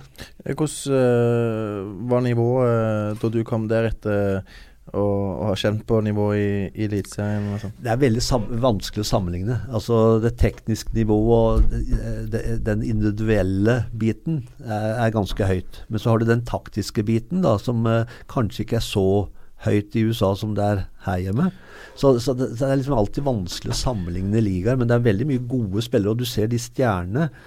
Fordi hvert lag kan jo ha noen sånne DP, som de kalles. Mm. altså som kan tjene hva de vil. Som er utafor er, lønnstaket. ja, resten er helt likt. Mm. Eh, og du ser de stjernene som kommer nå, blir yngre og yngre. Mm. Eh, hvis du går eh, kanskje sju, åtte, ni år tilbake, så var de kanskje litt sånn litt på hell, men nå begynner det å bli at de er faktisk eh, i en god alder. Ja, ja, sant. Carlos Vela kommer fra La Liga der Ja. og går rett inn i Ja. Inn i uh, Miami, er det vel. Ja. Eh, så ja. Men jeg føler jo at eh, når vi nå får høre en eh, At eh, Altså, du kunne blitt assistent i Westham. Uh, jeg føler du lever et slags hemmelig fotballiv, uh, og vi får ikke ta del i det. For at du er ikke så opptatt av pressen og å spre disse historiene så bredt. Nei, jeg er jo alltid Eller jeg er jo ikke den som stikker meg mest fram, da. Jeg har aldri vært det, egentlig. Jeg, det har jeg trivdes bra med, å si det sånn. Men eh, av og til så kunne man jo kanskje vært litt mer synlig, selvfølgelig for min egen del. Men eh, jeg jeg må jo være som jeg er. Altså Min eh, person eller min personlighet er liksom å være kanskje sånn, da. Så da trives jeg med det. Men hva, hva gjør du nå, da? Og hva er, hva er planen til Jan Halvor Halvorsen nå framover? Nei, nå er det jo Jeg hadde jo tre kjempefantastiske år i Bodø, og da hadde jeg egentlig bestemt meg for å ta et halvt år eller et år pause. Eh, for jeg har holdt på da i 20, 20 år, og det, du går eh, Jeg tror fotballtrenere har behov for det. Jeg tror, å ta et år hvor du gjør, jobber kanskje med fotball, men litt andre ting, så du får lada opp batteriet. Og det gjorde jeg nå i fjor, hvor jeg hjalp Notodden, eh, og det skal jeg gjøre nå fram til sommeren. Eh, og det syns jeg er kjempeartig. Men jeg begynner jo det begynner å krible nå med at jeg har lyst til å, å trene et lag igjen, fra, kanskje fra sommeren av, og kanskje da helst uh, uh, i utlandet et sted. Men du driver og finsikter Bulgaria nå for Lars Lagerbäck? Ja da. Jeg har fått jobb med, av Lagerbäck og Perry om å observere den ene motstanderen til, til landslaget til høsten, Bulgaria. Så jeg var nede og så Bulgaria-Kasjokstan her nå i Ungarn, i Budapest eh, den 26. mars. Så skal jeg se de en gang til. og det det syns jeg er kjempeartig, det å kunne sitte og se. Og det er jo ikke man, man, man analyserer jo utenom at man er men det er veldig godt å ha kanskje en live også, og, og få kanskje, kanskje et par sånne ting som man ikke alltid får med seg på, på video. Så jeg er veldig glad for at, eh, at jeg kan bidra der. Hva inntrykk fikk du av Bulgaria? Hva sa du? Hva inntrykk fikk du av Bulgaria? Nei, det er jo liksom det, Du har jo en som kan du si en slags stjernespiller, det er Popov. Han spiller vel i Russland nå, hvis ikke jeg tar helt feil. Eh, men ellers er det et lag som jeg føler at eh, Norge kan eh, ha gode muligheter mot. det. Før du går videre, må jeg rette meg sjøl. Carlos Vela spiller selvfølgelig i LAFC. For han var jo Ja, med i dette ja, lokaloppgjøret mot Galaxy og, og Zlatan. Jeg må bare spørre om en ting, for vi har jo her hatt uh, tabelltips på Obos. Ja. Uh, som da var mitt tabelltips, siden det var bare Martin og meg her. og da blei jo jeg latterliggjort i studiet her fordi at jeg satt Notodden på tiendeplass. Jeg tror de kan overraske i år. Er du enig i min vurdering? Ja, helt Det var klart. ledende spørsmål. ja, men helt klart eh, Nå er jo jeg eh, inne litt der og har jo Kanskje litt inhabil, men ok. Nei da, men eh, jeg, jeg tror jo at uh, målsettingene til Notodden er å stabilisere seg første året nå. Eh, men at de havner sist, det har jeg ikke noe trua på. Uh, de har et bra lag. De har en bra innarbeida spillestil. Eh, en eh, ung, eh, ambisiøs, god trener. eh, og, og har eh, vi fikk jo også tak i en nå, som jeg hjalp til litt med. En, en engelsk midtstopper som spilte Viking i eh, 14 kamper for Viking i fjor vår, hvor han var 1920. Michael Letcher. Mm. Eh, veldig god signering for Notodden eh, Notodden å få en sånn type. og Det er også kan du si, en sånn type som er så ung at han kan utvikle seg som klubben da eventuelt kan selge til større klubber. Vi, eh, og vi har så mye vi gjerne skulle snakke om. eh, Halvor. Jeg har Ja. lyst til å ta med et par spørsmål før vi tar lyttespørsmål. Eh, Den, altså, du har trent mange fotballspillere og spilt med mange. Hvem er den rareste eh, Som jeg, som jeg har spilt med, eller uh, trena? Ja, samme. Altså topp én av de to karrierene. Hvem er den rareste typen du har vært borti som eh, fotballmann? Å, herregud, det er så mange at det Nei, det er litt vanskelig å si. Eh, en jeg har spilt mot, da. Uh, en jeg har spilt mot for mange mange år siden, som var en veldig god venn av meg. Han er dessverre ikke blant oss lenger. Uh, Svein Mathisen. Han spilte jeg mot, og det var veldig morsomt. Fordi han hadde alltid altså, noen sånne bemerkninger på lur. altså Noen sånne humoristiske ting som, som motstanderne tenkte Herregud, det der var jo jækla morsomt, egentlig. og så spilte, fikk, jeg gleden av å spille sammen på Old Boys-laget til start også. Og da husker jeg vi spilte mot noen politifolk fra Bryne. Og det var jo Og de var liksom sånn da, Svein Mathisen, han skal vi ta, ikke sant. Og de takla og, og, og, og jeg så Svein blei liksom mer og mer irritert, da. Og så og ble han takla en gang til, da, og så reiste seg opp. da, Men han ble jo aldri sånn ordentlig sint. Men han kom jo alltid med sånne gode sånne sørlandske bemerkninger. Så sa han til han svære politimidtstopperen må passe deg ikke du får gult kort, samme farge som tenna dine. og og, og han, han midtstopperen han ble bare Det skumma av munnen på han, vet du. Ja, men ellers så, så, så Det var en sånn altså, rar på en morsom måte, da. Ja. Eh, og Sånn var han jo også som spiller eh, i Tippeligaen. Så han hadde alltid altså, fantastiske sånne eh, humoristiske eh, gullkorn. Var det mer av det på banen før enn det er i dag? Du har jo stått eh, på sidelinja noen år i Eliteserien i Ja. nyere, tid. Ja, det er jo kanskje det, da. Eh, Det, er altså, nå var jo også kan du si, den startgjengen, da, med, også med Karsten Johansen som trener, det var jo liksom humor. Altså Det var det som liksom som skapte det der gullaget deres. Altså. Men eh, jeg tror kanskje det var kanskje litt mer humor, også blant dommerne. da. Dommerne før i tida hadde jo veldig sånn glimt i øyet. Ikke sant? Uh, kunne gjerne si til dommeren 'fy fader, i, i dag er du dårlig'. Ja, jeg syns ikke du er så, så, så veldig god heller, kunne dommeren si. Altså, det var liksom litt den Sjargongen. Ja. Ja. Så Men eh, du nevner mm, Svein Mathisen, som var en enorm profil. Eh, så har norsk fotball eh, savna litt profiler eh, eh, de siste åra. Det er jo selvfølgelig alltid noen, men eh, eh, var det mer rom for å være litt annerledes før? Føler du på en måte Iallfall mitt inntrykk nå, da, at gjerne spillere på en måte blir satt i en, i en bås, at de blir bedt om ikke gjøre for mye ut av seg. da ja. Nei, det, er, det er litt vanskelig å sammenligne, kan du si, kan du si de forskjellige tiåra og, og sånn, men men det var nok mer rom før. altså Nå er det jo dette her med at nå er det jo alt blitt veldig profesjonelt, og alt skal være liksom sånn. Så, og det henger jo med, kan du si, utviklinga også, da. eh, med fotballen. Det blir jo utvikla hele tida, ikke sant. Sånn at eh, det henger sammen. Hva tenker du hvis eh, en av dine spillere går ut i media f.eks. Og, og kommer noen friske uttalelser som skaper en del støy? Det er noe som du på en måte ønsker velkommen, eller eh, ber du folk roe seg da? Nei, det spørs jo hva det er, da, selvfølgelig. Det er jo liksom eh, Alt avhengig av liksom hva, hva det er for noe, selvfølgelig. Men eh, når, når du trener fotballag, så er det liksom du har 20 mann, da. Og da har du 20 forskjellige personligheter. Og det, det, du, du kan ikke behandle alle likt. Altså Noen må ha ros for å for å lykkes. Andre må ha litt ris, som hele tida liksom holder de på tå heve. Så det er veldig forskjellig. Dette er toppfotball. Og så har vi jo eh, meldt, eh, som vi ofte gjør eh, når vi har prominent, prominente gjester, at vi, vi, vi, er på jakt etter et lite spørsmål fra lytterne. Og da har det kommet et spørsmål Er det om start, Joakim? Ja, det kom et på Twitter fra en kar som heter Ole, og vi var inne på startperioden din. Han lurer på hvem som var den beste spilleren du spilte med, og hvem som var den beste spilleren du trente i Start. Eh, den, eh, jeg, var jo i start som spiller, det var vi, var vi ikke inne på, men jeg var som eh, et, et, eh, Det var ti kamper, tror jeg. Eh, for jeg skulle holde meg i form fram til jeg skulle dra til Berlin. Eh, nei, for hvem den beste var det, De hadde jo mange gode, da. de hadde jo Dalum var jo der. Eh, og jeg spilte sammen med en, en rev da, av en midtstopper, Paul Rikardsen. Jeg, jeg, jeg, jeg, fremhever, ja, fremhever han litt. Han var sånn stille og rolig sånn privat, og det var liksom ikke noe Men på banen så var han litt av en uh, bulldoser. Så um, var den beste du trente? Ja, det var det. Uh, det er vanskelig å si. Uh, vi hadde jo en veldig sånn god sørling, en ving da, vet du, som var litt så spesiell, men som, som gjorde det veldig bra for Morten Knutsen. Han ble jo selvfølgelig også solgt da, til Rosenborg. Mm. men uh, de hadde mange. Ellers så hadde jeg jo en del unge som var på vei opp. Kristoffer Hestad.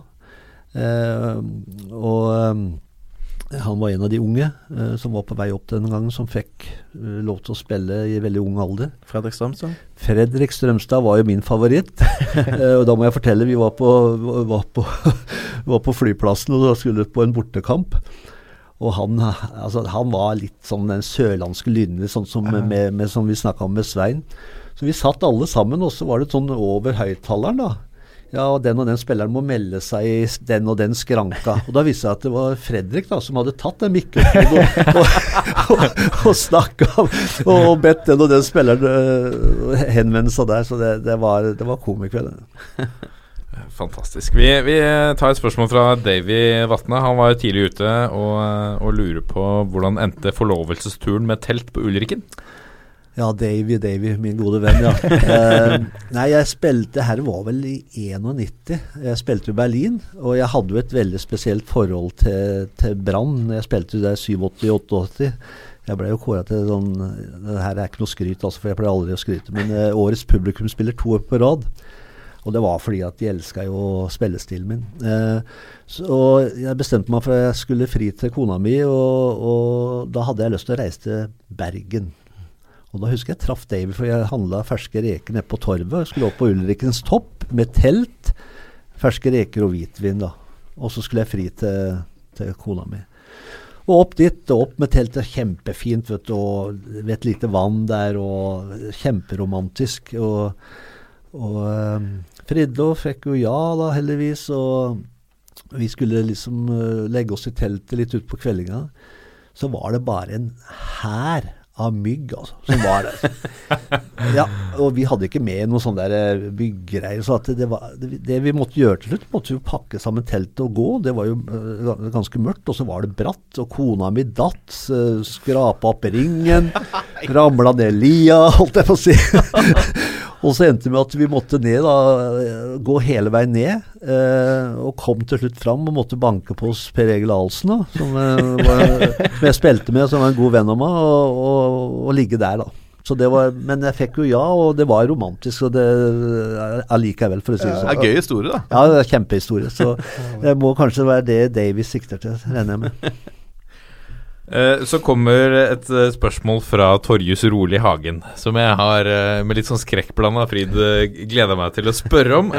Fordi hvis man googler Jan Halvor Halvorsen, så får man opp med litt Wikipedia og litt sånn sitater. Men nei, litt sånn ulike saker fra ja, jeg regner med hva du kommer med nå. Og så kommer en av de første tingene er ulike debattforum hvor de diskuterer størrelsen på på, på din, dine edlere deler. Nå er du flau, Martin. Det ser jeg. Veldig, dette er ikke et sånt type program som vi har, men, men Torjus Rolig Hagen spør om eh, måtte han teipe fast kølla da han spilte pga. størrelsen, eller er ikke det lov å spørre om? Eh, er det lov å spørre om, Jan Halvor Halvorsen? Jeg har eh, faktisk fått det spørsmålet på lignende settinger før, for å være helt ærlig. Ja.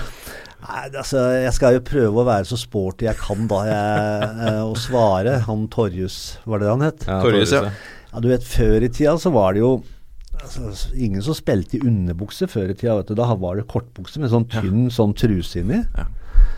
Og da hendte det, og det kan du si med min spillestil også, da.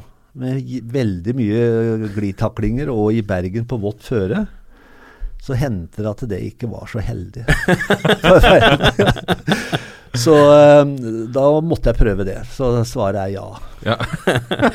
var, jeg har sett et sitat uh, som du har gitt til bodø.nu, tror jeg. At uh, det var ingen som slo tunnel på deg, for å si det sånn. Har du sagt det? Kan det stemme? Nei, det, det, har ikke, det, har jeg ikke, sagt. Det skal jeg ikke ha på meg. Det er jo noen andre som har sagt det til ja, okay, ja. Jeg òg må, må, få ta en, et spørsmål her. Jeg har hørt at du har gått inn i en garderobe i utlandet. Jeg vet ikke om det var i England eller om det var i Tyskland. Og fått applaus. Stemmer det? Nå var det veldig privat Kjent. Ja, uh, ingen kommentar. Men men, jeg må bare da Du er jo, siden du er fra Telemark, kjenner du Bjørn Heidenstrøm?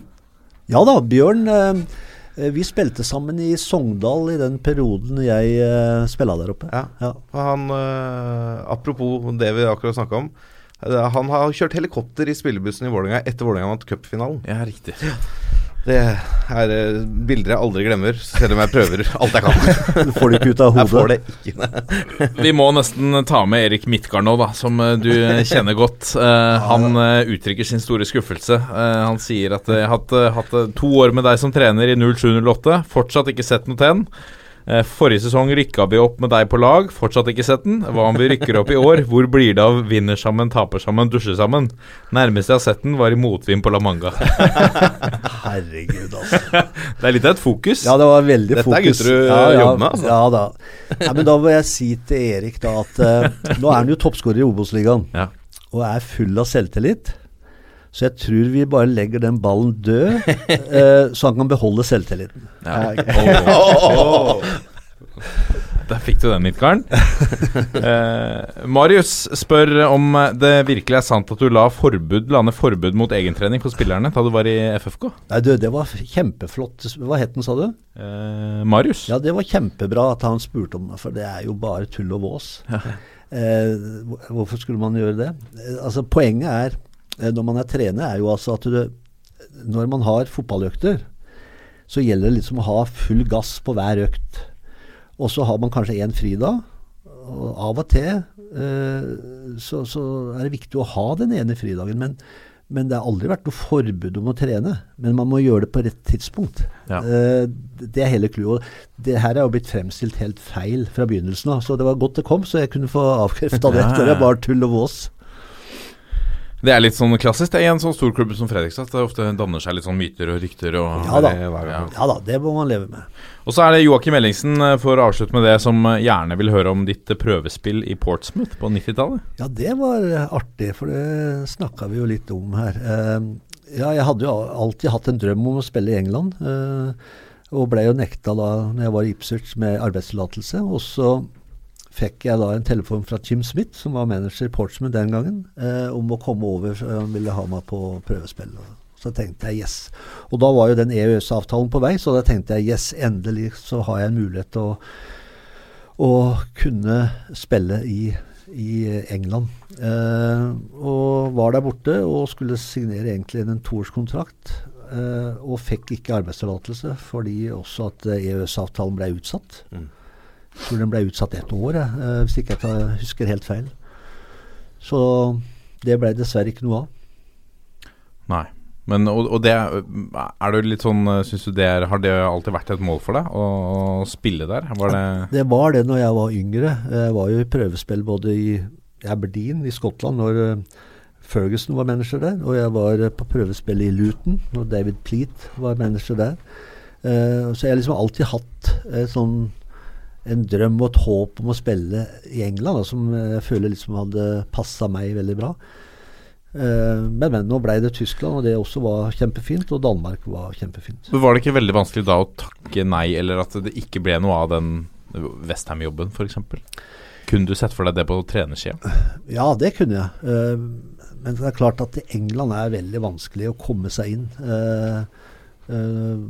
Eh, eh, og det er klart, hvis du ser uh, klubba når du ansetter nye trenere, så er det nesten de, altså, det er mye samme som går igjen eh, hele tida. Så det er, det, er, det er veldig vanskelig fra, for norske trenere å få innpass uh, i England. Men du ønsker jo en ny klubb nå i utlandet. Hva type nasjoner er det som eh, er mest eh, spennende for deg? Det er egentlig ikke Jeg er jo liksom litt, har jo dette sigøynerblodet, så jeg er jo liksom litt sånn eventyrlysten. Så jeg, det er ikke sånn at jeg er på død og liv må det, men eh, det hadde vært eh, ok. Og jeg, jeg blir jo ikke yngre heller. Altså, så det hadde vært moro å oppleve ett. Men du er 55 år, du er ikke gamle karen? Nei, i utlandet så er jo det ungt, sånn sett. Det er mer i Norge at man da kanskje er litt gammel. Nei, så det, det er, har jeg egentlig ikke noe tenkt noe på. Jeg, det, alt med sånne ting så handler det om å, å, med kontakter og ha litt flaks og være litt heldig for, for å kunne få det til. da. Dette er toppfotball. Og så har vi kommet til eh, rundens øyeblikk, og vi begynner med deg, Joakim. Ja, det har vært en veldig eh, spennende eliteserierunde. Og for meg så syns jeg det var interessant å sitte og se Brann Kristiansund. To hardtarbeidende, mm, disiplinerte lag som kjempa en tøff match i, i lang, lang tid. Og det så ut som Kristiansund skulle få ett po ett poeng med seg fra Bergen, men i det 98. minutt så stiger der en eh, svær midtstopper til værs i Bismar Costa og stanger inn 1-0 og sikrer Brann eh, tre poeng. Og det var tydelig å se hvor mye det betydde for han etter å ha skåret selvmål mot eh, Godset i Drammen. og eh, har blitt kalt feiging i, i avisene i, i Bergen, og det var jo tydelig at det òg hadde prega han, eh, kom det fram i ettertid, så Han gikk jo bare fra Ja, jeg ville ikke snakke verken i Drammen eller i, i Bergen, men uh, det var et enormt øyeblikk på Brann stadion, og, og det sitter godt i, i minnet mitt fremdeles. Wangstein. uh, går ut fra at ditt øyeblikk ikke kom på Intility Arena. Jo, det gjorde faktisk Det gjorde det? ja. For det, og det er jo da for å bygge en bro til noe vi skal snakke om seinere. Ja. Det er rett og slett det målet til Herman Stengel eh, mot Vålerenga. Eh, det var jo skrevet i stein før denne kampen at Herman Stengel kom til å score på langskudd mot nettopp Vålerenga på Intility. Vi tre satt jo eh, og så kampen sammen, og eh, i det 80. minutt så gikk du, Lasse. For da sa du at nå kommer Moss innpå, han kommer til å score. Ha det bra. Jeg orker ikke å se det. Jeg, jeg sa det. eh, men det var jo også en baktanke der. Jeg var eh, invitert til et 40-årslag den lørdagen. Ja, men det ødelegger historien. Ja, men det må få lov å forklare meg selv, for du skal jo ikke gå før kampen er ferdig. Nei, Eh, og det begynte klokka seks ved kampstart, og jeg satt der til, til halv åtte, så jeg var lovlig seint eh, på fest. Og da var, var jeg også seint ute på fest, for å si det sånn. Det var mange som hadde hadde noen hestehoder foran meg der, da. Men det er vel greit for en Vålerenga-sporter å gå glipp av eh, et mål som motstanderlaget skårer? Jo da, for så vidt, men, altså, men eh, det, som jeg sier, ja, eh, Reka sa det i eh, studio før kamp, da Håvard og jeg var gjester, at Stenger kommer til å skåre i dag. Og jeg er jo helt enig i det, og det skjedde jo selvfølgelig. Ja. Jan Halvor, rundens øyeblikk for deg. Det går vel til Telemark, da. Eh, selv om det var med blanda følelser, for i og med at Odd spilte mot mitt gamle lag og mine gode venner fra Bodø. Eh, men frisparket til Espen Ruud var jo Ja, det var fantastisk. Eh, det, nesten mulig å gjøre det bedre. Det var helt oppi. Klasse. Det er internasjonalt nivå. Det er, Ja, ja, er det sånn eh, Det er ikke så mange keepere som har tatt det? Uansett eh, Ingen keeper har tatt den. Nei, det det? Nei. Nei. Du kunne stått med to, det hadde ikke gjort det. Nei, det var fantastisk utført, da. Eh, men litt sånn blanda følelser, selvfølgelig, i og med at det var mot Glimt. Men eh, fantastisk frispark eh, var det. Ja, absolutt. Jeg, eh, jeg har jo eh, eh, litt følelser for Vålerenga, jeg også. Men jeg, men jeg er nødt til å trekke fram Markus Pedersen. først den første skåringen, og så etter å ha blitt slengt dritt etter i hele kampen. at han setter den straffa. Og vi ser litt av den Markus Pedersen som er et, et, altså et beist når han er i form, og måten han bare på sin måte eh, ikke tystner tystnar, eh, i mangel for et eh, norsk ord, eh, fansen til Vålinga, men, eh, men reagerer og svarer på den måten som, som kanskje han er aller best på. Han og det Vålinga-klanen på en måte som kanskje irriterer det enda mer, er at han blir jo enda mer fyra. Når de synger på han hele, eh, hele kampen, så er det jo det som fyrer han opp når han går i dueller mot Tollos Nation og og det hjelper jo bare Markus Pedersen. Hva fyrer Ja. han sånn? Gir han et moment? Det er jo det han sier selv. Det har jo vært en diskusjon etter den kampen her på hva som ble uh, meldt fra enkelte supportere mot Herman Stengel. Ja. Uh, jeg sa jo før kampen på Twitter at uh, jeg tror det beste måten å møte disse spillerne på, er med tystnad. Altså stillhet. Ja. Bare ignorer dem. For at hvis du slenger meldinger Jeg skjønner hvorfor meldingene kommer, altså fra supporterståsted, men hvis du slenger meldinger, det er med på å fyre dem. Og det fyrer Markus spesielt, det ser du jo. Han, han var jo helt naken i Tromsø i dag. Han så ikke ut som han var på banen omtrent. Ikke? Nei, han samme ja. par sanger, kanskje, så hadde han Ja. blitt fyra. Ja, Halvor. Ja, Det er litt sånn typisk, vet du. Vi snakka om eh, Stengel. da. Eh, Det er veldig typisk. altså Det jeg har opplevd mange ganger sjøl som trener, er at eh, hvis du har hatt en spiller, så går han til en annen klubb. Og så skal du da møte den klubben første gang etter den spilleren har gått. Så kan du banne på at den spilleren scorer mål, altså. Ja. Og det, det, det, det skjer så ofte. Så, så, så som, eh, som trener så er det en sånn Jeg har opplevd det flere ganger. Så banne på at den spilleren da scorer. Men du vil vel gjerne bruke en spiller som skal møte gamleklubben òg, hvis det er du som har han i ditt lag? Ja ja. Det, ja, selvfølgelig. Ja, det er ekstra gira, ekstra tent, ekstra ja. skjerpa. Det er et element der. Vi skal Ja. snakke om det etterpå, Wangstein. Nå kommer pulsen. Ja, da har vi kommet til pulsen, og vi starter uh, ukens uh, puls med å gratulere uh, vårt kjære kvinnelandslag med en sterk seier 3-0 mot Nord-Irland. Caroline Graham Hansen med, med to av målene. Godt å se, og nå har vi det i egne hender. De, altså Det er ikke noe enkel jobb som står igjen. Vi skal slå Irland over to kamper, men med seier i de fire siste, så, så er sluttspillet Så er vi i sluttspillet. Og det er eh, fantastisk. Det blir spennende å følge kvinnelandslaget videre. Eh, vi eh, skal eh, gå videre til et ganske mye lavere nivå. Eh, for i eh, fjerdedivisjon uh, så leda Ekspress eh, 3-2 over Våg i serieåpninga mandag kveld. Eh, Da fire minutter gjensto av overtiden, så gikk lyset eh, på Karos, Karus eh, kunstgress. Og da um, reagerte Våg med protest. Og så er det noen som sier at det som kan skje som følge av, av denne protest, protesten, om den tas til følge, er at lagene må møtes og spille de fire gjenstående minuttene av kampen. Altså, Hva er umiddelbare reaksjoner på dette? Ja, det, det har jo skjedd før. Ja. At eh, når kamper blir avbrutt, eh, så spiller man de siste minuttene. Ja. Eh, det jeg ikke håper skjer, er at det hjemmelaget blir fratatt seieren, eller at man på en måte spiller hele kampen på nytt. Men egentlig så er det der med fire minutter ganske fornuftig, med de samme spillerne som sto på banen. De kan vel strengt tatt ikke bli fratatt uh, seieren, Nei. men uh, Walkover. Eh, sånn som jeg forsto det, så skulle kretsen her eh, ta en prat med klubbene. og eh, hadde jeg eh, vært i fjerdedivisjon, selv om eh, fotball betyr mye på alle nivåer, så hadde jeg vel gjerne sagt at eh, greit, det får gå denne gangen, da. Ellers er alternativet at eh, samtlige stiller opp igjen, og dommeren blåser i gang, og de spiller de siste fire. Hadde du spilt da i 3-2-5 i formasjonen i, i de fire minuttene? Ja, ja, det spørs, det.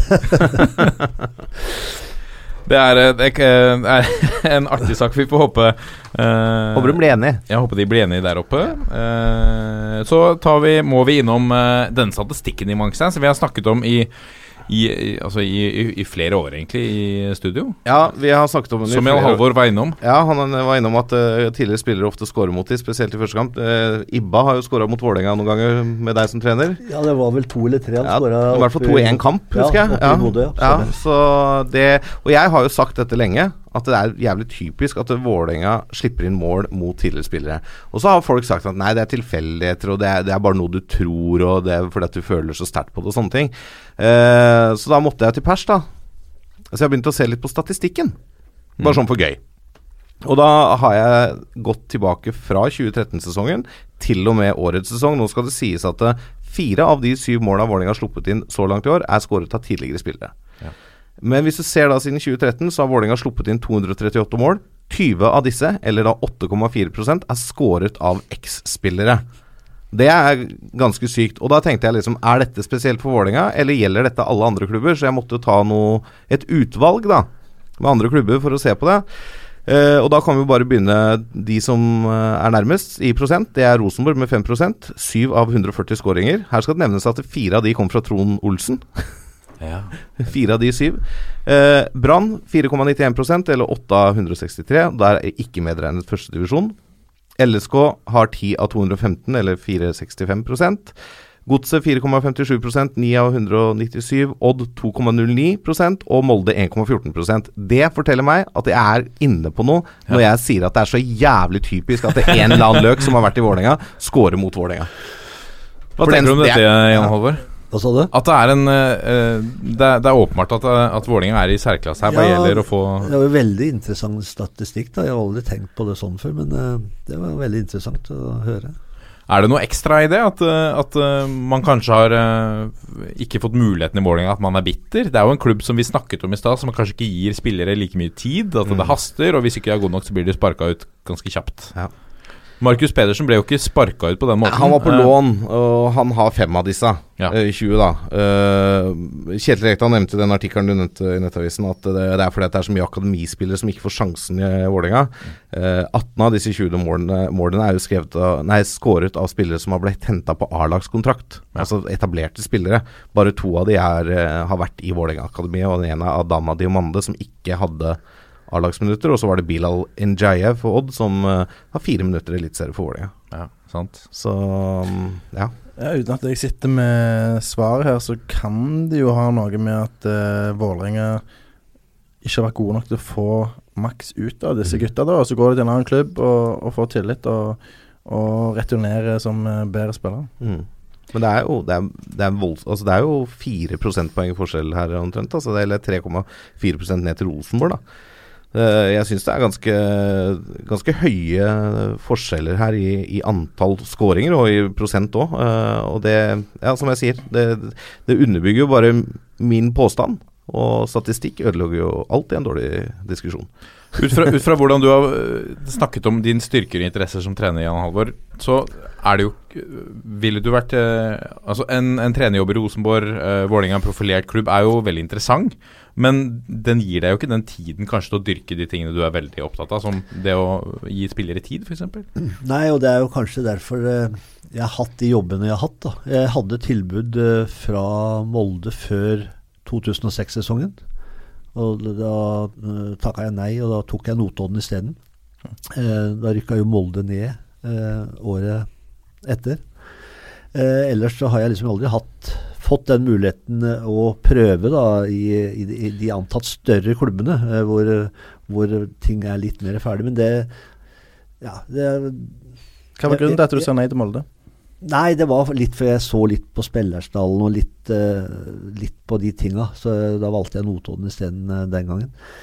Men jeg har jo trivdes med, det, med de jobbene jeg har hatt i forhold til dette her med det vi var inne på med å ha god tid til enkeltspillere og, og, bruke kanskje litt av den styrken jeg har da som person til å, til å jobbe med enkeltspillere sånn litt mer.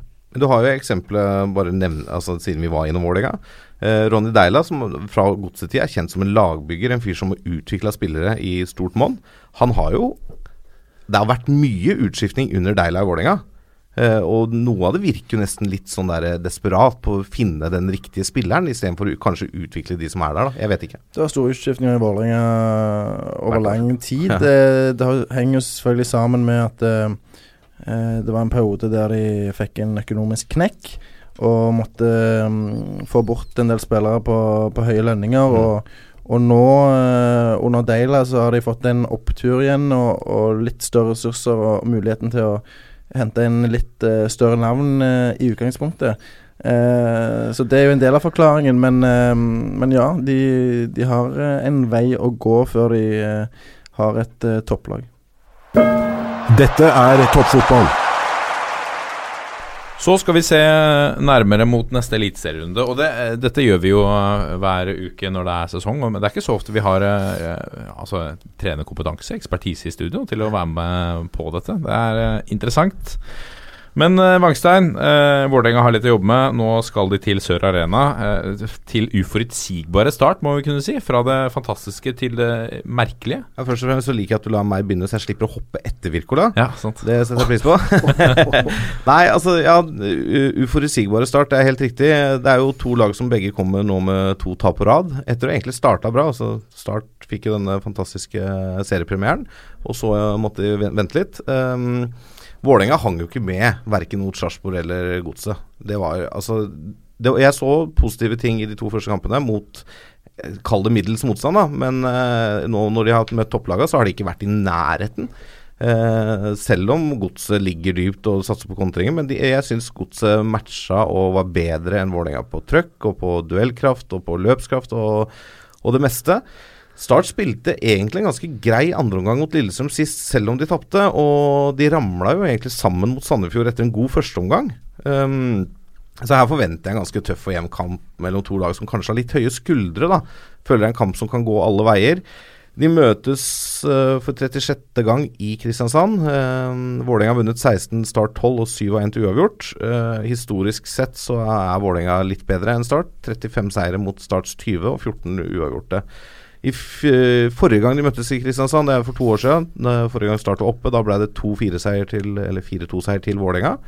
Og Start har ikke slått Vålerenga på de seks siste innbyrdes oppgjørene. Forrige seier var 3-1 på Ullevål i 2013. En sesong hvor Start vant begge seriekampene mot Vålerenga. Mm. Hva, hvordan tror du det ender? Nei, Som jeg sier, det kan gå alle veier. Eh, det er, det er en, dette er en ganske åpen kamp, føler jeg, eh, hvor, eh, hvor det laget som har, dag, altså har dagsform og ikke minst klarer å skru på mest, eh, kan eh, stikke av gårde med seieren. Jeg tror det er to lag som er veldig usikre på hvor de står. Mm. Eh, to lag som har hentet inn eh, mange nye spillere foran denne sesongen, og som har variert veldig i prestasjonene. Så det her tror jeg de sjøl sitter med en følelse av at dette her kan vippe begge veier. Det er litt ja, urovekkende når du driver et lag. At ja, dette, ja, vi har ikke peiling på det. Eh, Sandefjord eh, spilte i eh, denne hengekampen mot eh, Ranheim og tok ledelsen eh, med Mohammed Ofkir. Men eh, så kom Ranheim tilbake og snudde det, igjen, Halvor. Hvordan tror du det går hjemme mot Kristiansund? Nei, det, nå har jo Sandefjord altså, sånn litt sjokkresultat med at de vant borte mot Start. Ellers så spilte uavgjort mot Stabæk hjemme, hvor Stabæk da hadde tidenes eh, ja, tidenes bom. Eh, Ola Brynildsen, det det, Ja, det var, eh, det var godt gjort. Det var vel også rett før slutt, hvis ikke jeg husker helt feil. Kristiansund har vært eh, altså vanskelig å slå. Eh, klarte uavgjort eh, på, på, borte på Lerkendal. Og hadde også eh, uavgjort inne åtte minutter på overtid mot Brann sist. Hadde vel lagt til ni, eh, hvis ikke jeg Ja, husker noe feil. Sånn at eh, det lukter U her, altså. Eh, eh, som sagt, Sandefjord eh, ikke vinner hjemme ennå på to kamper. Eh, Kristiansund vært eh, bra borte. Så ja, jeg, jeg går for en U her. Det som er litt gøy å se her, da, er at pga. disse hengekampene, så er dette Sandefjords tredje hjemmekamp på rad. Ja. Det er ikke ofte du ser i en sesong. Pussy. Nei. Jeg er spent på om uh, Torgeir Gjertsen blir klar. Han var jo ikke med til Bergen pga. Uh, en skade, så han klart han betyr mye for det Kristiansund-laget. og ehm, Nå var Benjamin Stokke eh, reserve sist og kom innpå i andre omgang etter å ha skada seg på dette famøse straffesparket mot uh, Vålerenga. Så uh, det kan være to uh, forsterkninger som kommer inn fra matchen mot Brann. Ja. Og så er det jo å merke seg at Kristiansund har jo hatt to veldig tøffe bortekamper på gress. Mm. Eh, og gjort det veldig bra, både mot Rosenborg og Brann. Sånn at, at, at det er gress, eh, tror jeg ikke har noe å si for Kristiansund sånn sett. Strømsgodset var eh, også et av lagene som var i aksjon i dag, onsdag, med en hengekamp. Uh, eh, apropos, altså eh, De var høyt oppe etter seg mot, mot Vålerenga. Kanskje altfor høyt, for de kom knallhardt ned på jorda. Tromsø leda 3-0 på Alfheim, og det endte til slutt 3-1. Eh, ja, Apropos ikke å variere prestasjonene. ja, ikke sant? Det, men er det ikke litt klassisk, da? At, at uh, et lag som kommer fra en, en eh, storseier, eh, plutselig, plutselig går på et sånt litt, kanskje litt overraskende tap? Ja, Drillo hadde vel en statistikk på det. Hvis du skårer fire mål eller mer, og, eller vinner med fire mål eller mer, så er det store sjanser for at du ikke vinner neste kamp. Men altså, jeg så den andre omgangen mot eh, Tromsø, og uh, altså Strømsgodset var sjokkerende svake. Ja. Altså, de, de, de hang ikke med på noe. Altså, Tromsø gjorde som de ville, bortsett fra de siste ti minuttene. Eh, Markus Pedersen som vi nevnte, var ikke til stede, virka det som. Eh, det var rett og slett en ekstremt svak prestasjon av godset i dag, altså. Ja, Godset har vært eh, et rart lag å følge så langt eh, denne sesongen. Ehm, de har eh, gått fra eh, å ikke henge sammen til å være fantastiske, sånn som de var mot Vålerenga. Eh, og mot eh, Tromsø så gikk de ut i en 4-5-1-formasjon med Basel Gerradi tilbake fra sykdom på høyre kant. Eh, Eirik Ulland Andersen som indreløper eh, sammen med, med Stengel. Ehm, så det er jo en grei måte å angripe den matchen på for Skullerud, med, med 4-5-1 som fort blir 4-3-3 offensivt. Men eh, em, jeg vet ikke om han helt sjøl forstår hvorfor uh, uh, prestasjonen mot Tromsø var så dårlig etter å ha fått en del gode, positive svar mot uh, Vålerenga bare noen dager i forveien. så nå kommer Odd på besøk med selvtillit etter eh, 1-0-seieren eh, mot Bodø, så det er en tøff match for Godset, som som eh, fremdeles eh, prøver å få sånn skikkelig fotfeste.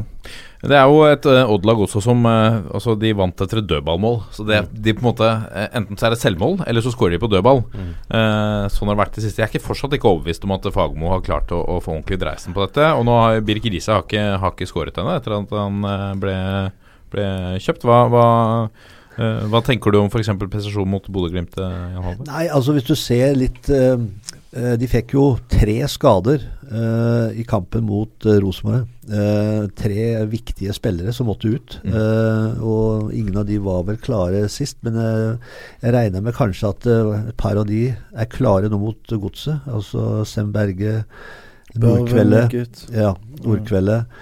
Eh, sånn at Så det vil jo styrke de. De var litt handikappa nå sist mot Bodø-Glimt, men eh, dro i, i havn eh, seieren med det frisparkmålet. da, Men jeg tror nok de stiller sterkere nå enn de gjorde, gjorde sist. Så Og Strømsgodt Odd er jo alltid eh, Det ligger noe i kampen der med Fagermo. Ja, ja.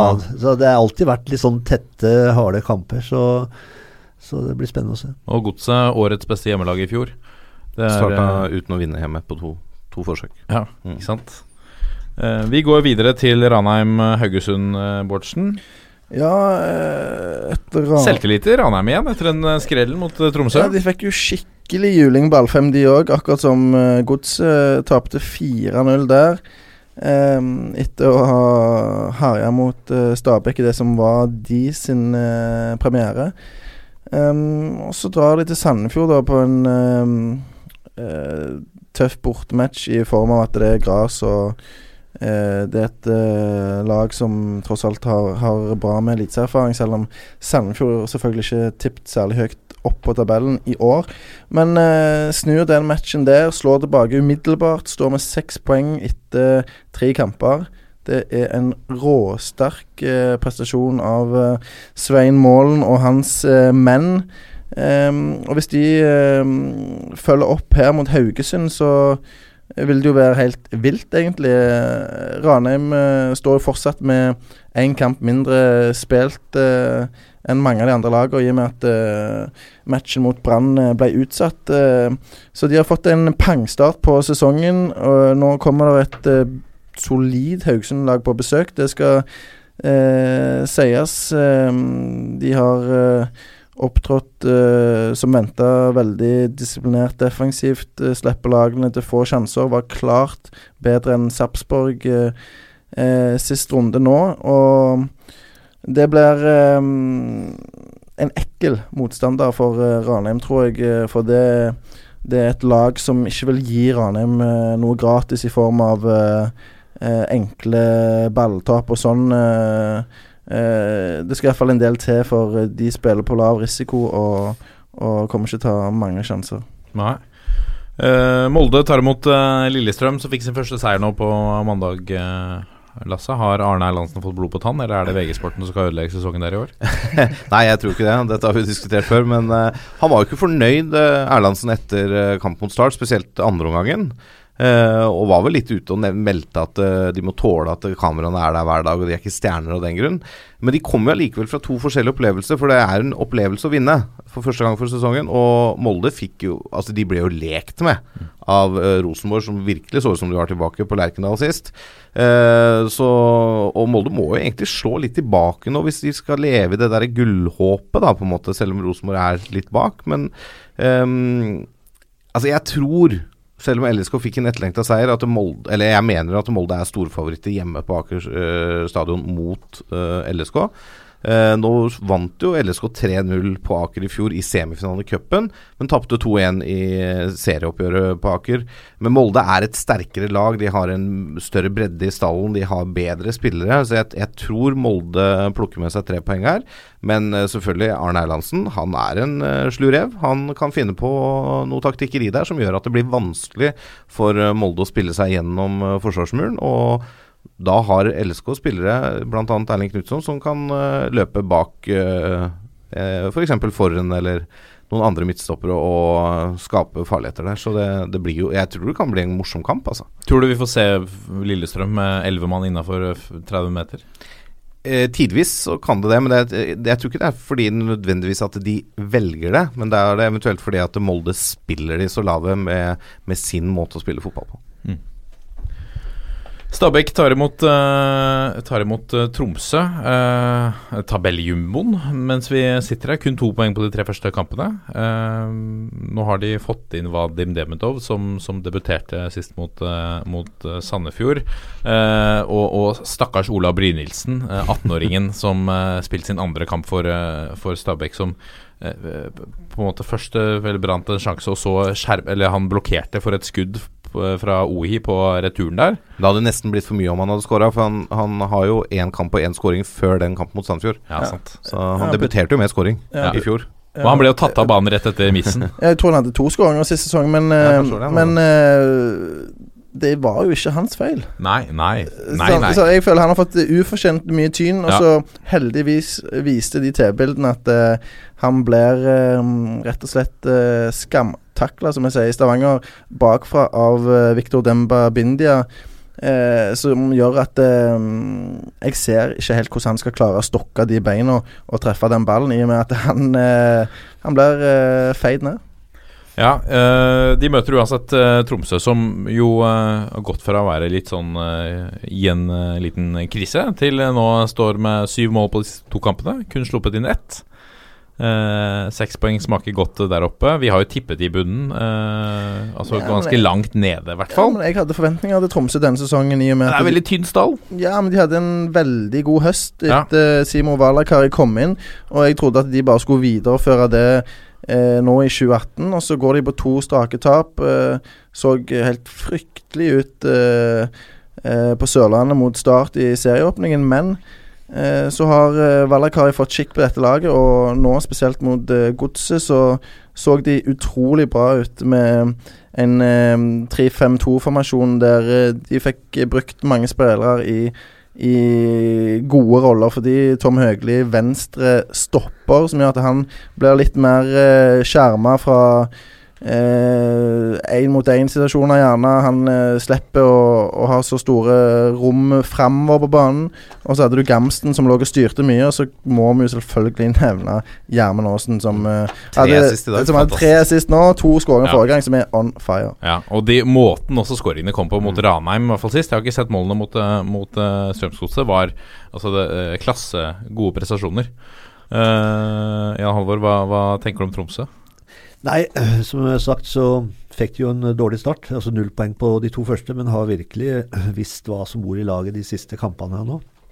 Og Gjermund Aasen er jo på hugget. Altså tre assist i dag, eh, som sagt. Så, så Tromsø Jeg også hadde litt forventninger til de etter den høsten i fjor. Altså, det så ut som det var et godt innarbeida altså med en ny trener, en ny måte å tenke og spille på.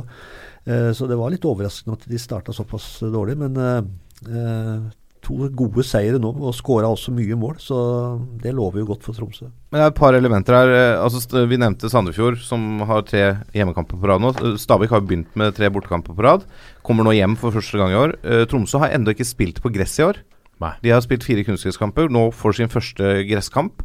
Eh, det kan bety litt, og de spiller da sin tredje kamp på en uke. Eh, så det kan jo hende at det er noen som begynner å merke det, kanskje da de den litt eldre garden. Eh, Så Wangberg hinka ti minutter før slutt i dag. Eh, Morten Gamst, jeg vet ikke hvordan han, om han takler de tre kampene på en uke. Altså Det kan være litt sånne ting som slår inn. Ja. Eh, så jeg ser ikke bort fra at Stabæk kan hente årets første seier her. Altså. Nei, Nei, det er helt, helt enig. Jeg tror det blir en veldig vrien kamp for Tromsø å dra ned til Nadderud. Hva med Sarpsborg 08, som tar imot din gamle klubb Brann, Ja, da har jo jeg på et par plasser uh, tippa de som jeg trodde skulle utfordre Rosenborg, eller komme nærmest Rosenborg i år. Og da havna jeg på Sarpsborg 08. Eh, ikke fordi at de har masse stjerneenkeltspillere, men det er et utrolig sterkt eh, kollektiv. Eh, og eh, jobber utrolig hardt i sammen, eh, og er veldig vanskelig å spille mot. Eh, eh, så jeg eh, tror nå dette er to, to lag som er medaljekandidater i år, som møtes. Eh, men Sarpsborg eh, på hjemmebane er aldri enkelt. Det er to ganske like spillestiler, selv om de er ulik formasjon som møtes her. Ja, det er det. Eh, og det er klart, Brann er gjerrige. Altså kyniske og gjerrige. De, de er vanskelig å skåre mål, mål på. Så, eh, men som sagt, Sarpsborg eh, på hjemmebane er eh, aldri lett. Og det er, eh, det er et bra kollektiv eh, de har. Apropos eh, lag som eh, vant eh, stort, eh, som faller sammen i kampen etter. Eh, gjør Rosenborg det borte mot Bodø-Glimt? eh? Nei. De kom til å fortsette eh, med et eh, kjør mot eh, Bodø-Glimt. Eh, 16. april. Eh, kunne snakket en time om den matchen de hadde mot Molde, der eh, de overrasker stort med Bentner trekker ut på venstre kant. Søderlund inn eh, står fram som en fantastisk mann i presspillet, som er helt avgjørende for Rosenborg. Eh, både defensivt og offensivt, egentlig, med å stresse motstanderlaget. Få eh, gjenvinninger høyt i banen, og ikke minst eh, være den signalspilleren som setter standarden for alle bak seg. Når han går i det sinnssyke presset sitt, så vet Mike Jensen og Anders Tronsen og Pål André Helland at de er nødt til å følge etter for ikke å se dumme ut. Og han drar med seg hele laget på en fantastisk måte. Og måten samtlige framsto på mot Molde, var helt nydelig å se på. Du fikk Even Hovland inn i en eh, stopperrolle der på sida av Reginiussen, noe som han løste fint. Og nå føler jeg Rosenborg eh, er påskrudd, og da tror jeg eh, det er et veldig dårlig tidspunkt å møte de på for Bodø-Glimt. Nå ruller det toget, vet du. Ja. Hva tror du om din gamle arbeidsgiver? eh? Nei, eh, de eh, sliter jo litt om dagen. Eh, har vel tre tap på rad. Null skåra mål. Så det, det er jo ikke bra. Eh, og møter som sagt Rosenborg nå. Nå hadde vi jo i 2015 et veldig godt tak på Rosenborg det året, eh, med å vinne hjemme og uavgjort borte. Eh, men jeg tror nok eh, Jeg skal aldri si aldri, men jeg tror ikke Rosenborg detter ned nå. Jeg syns de var ligna mye mer på seg sjøl nå sist mot Molde. Og kan hende at det har gjort godt at det har lugga litt til å begynne med. Og Kåre og co. har funnet formasjonen, eller ikke formasjonen, men funnet kan du si, rollen til både Søderlund og Bentner, som uh, passa veldig bra. Så eh, jeg tror nok det blir tøft for min eh, gamle klubb eh, mot Rosenborg. Jeg tror ikke de detter av igjen eh, etter den gode kampen mot Molde sist. Så vi friskmelder Rosenborg nå? Ja, for, etter den for det er noe av det som jeg likte best å se, det var at sulten var tilbake. Galskapen var tilbake i øynene på de Rosenborg-spillerne. Klart de har lyst å, hatt lyst til å vinne kamper tidligere, men nå eh, De har skjønt at det ikke går av seg selv, kanskje? Ja, og, og de har selvfølgelig visst det, men det er vanskelig å skru på den bryteren av og til. Men nå, nå er de på.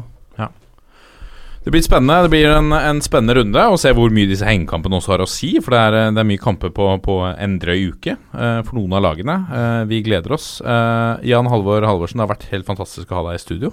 Ja, det var eh, kjempegøy at eh, dere spurte meg. Det satte jeg pris på, så jeg kosa meg veldig. Ja, Det har vært eh, helt nydelig, og nå gleder jeg meg jo til å se hva klubb du ender opp i. enten om det er i USA eller England eller hva det er. Ja, vi får se hva som skjer uh, framover. Hvis Latan ringer, så får du ta telefonen. ja. Vi er Toppfotball på Facebook, Twitter og Instagram. Gå gjerne inn og send oss en mail også på toppfotballat451.no med spørsmål og tips til hva dere ønsker at vi skal snakke om. Eh, og så er vi tilbake allerede neste uke. Og til helga så er det avspark i, i Post Nord-ligaen for de aller fleste lagene som ikke har 20-startet. Eh, det er mye spennende å se fram til. Vi må avslutte som vi pleier å gjøre, på 1, 2, 3. Vi er en gjeng! Ha det bra!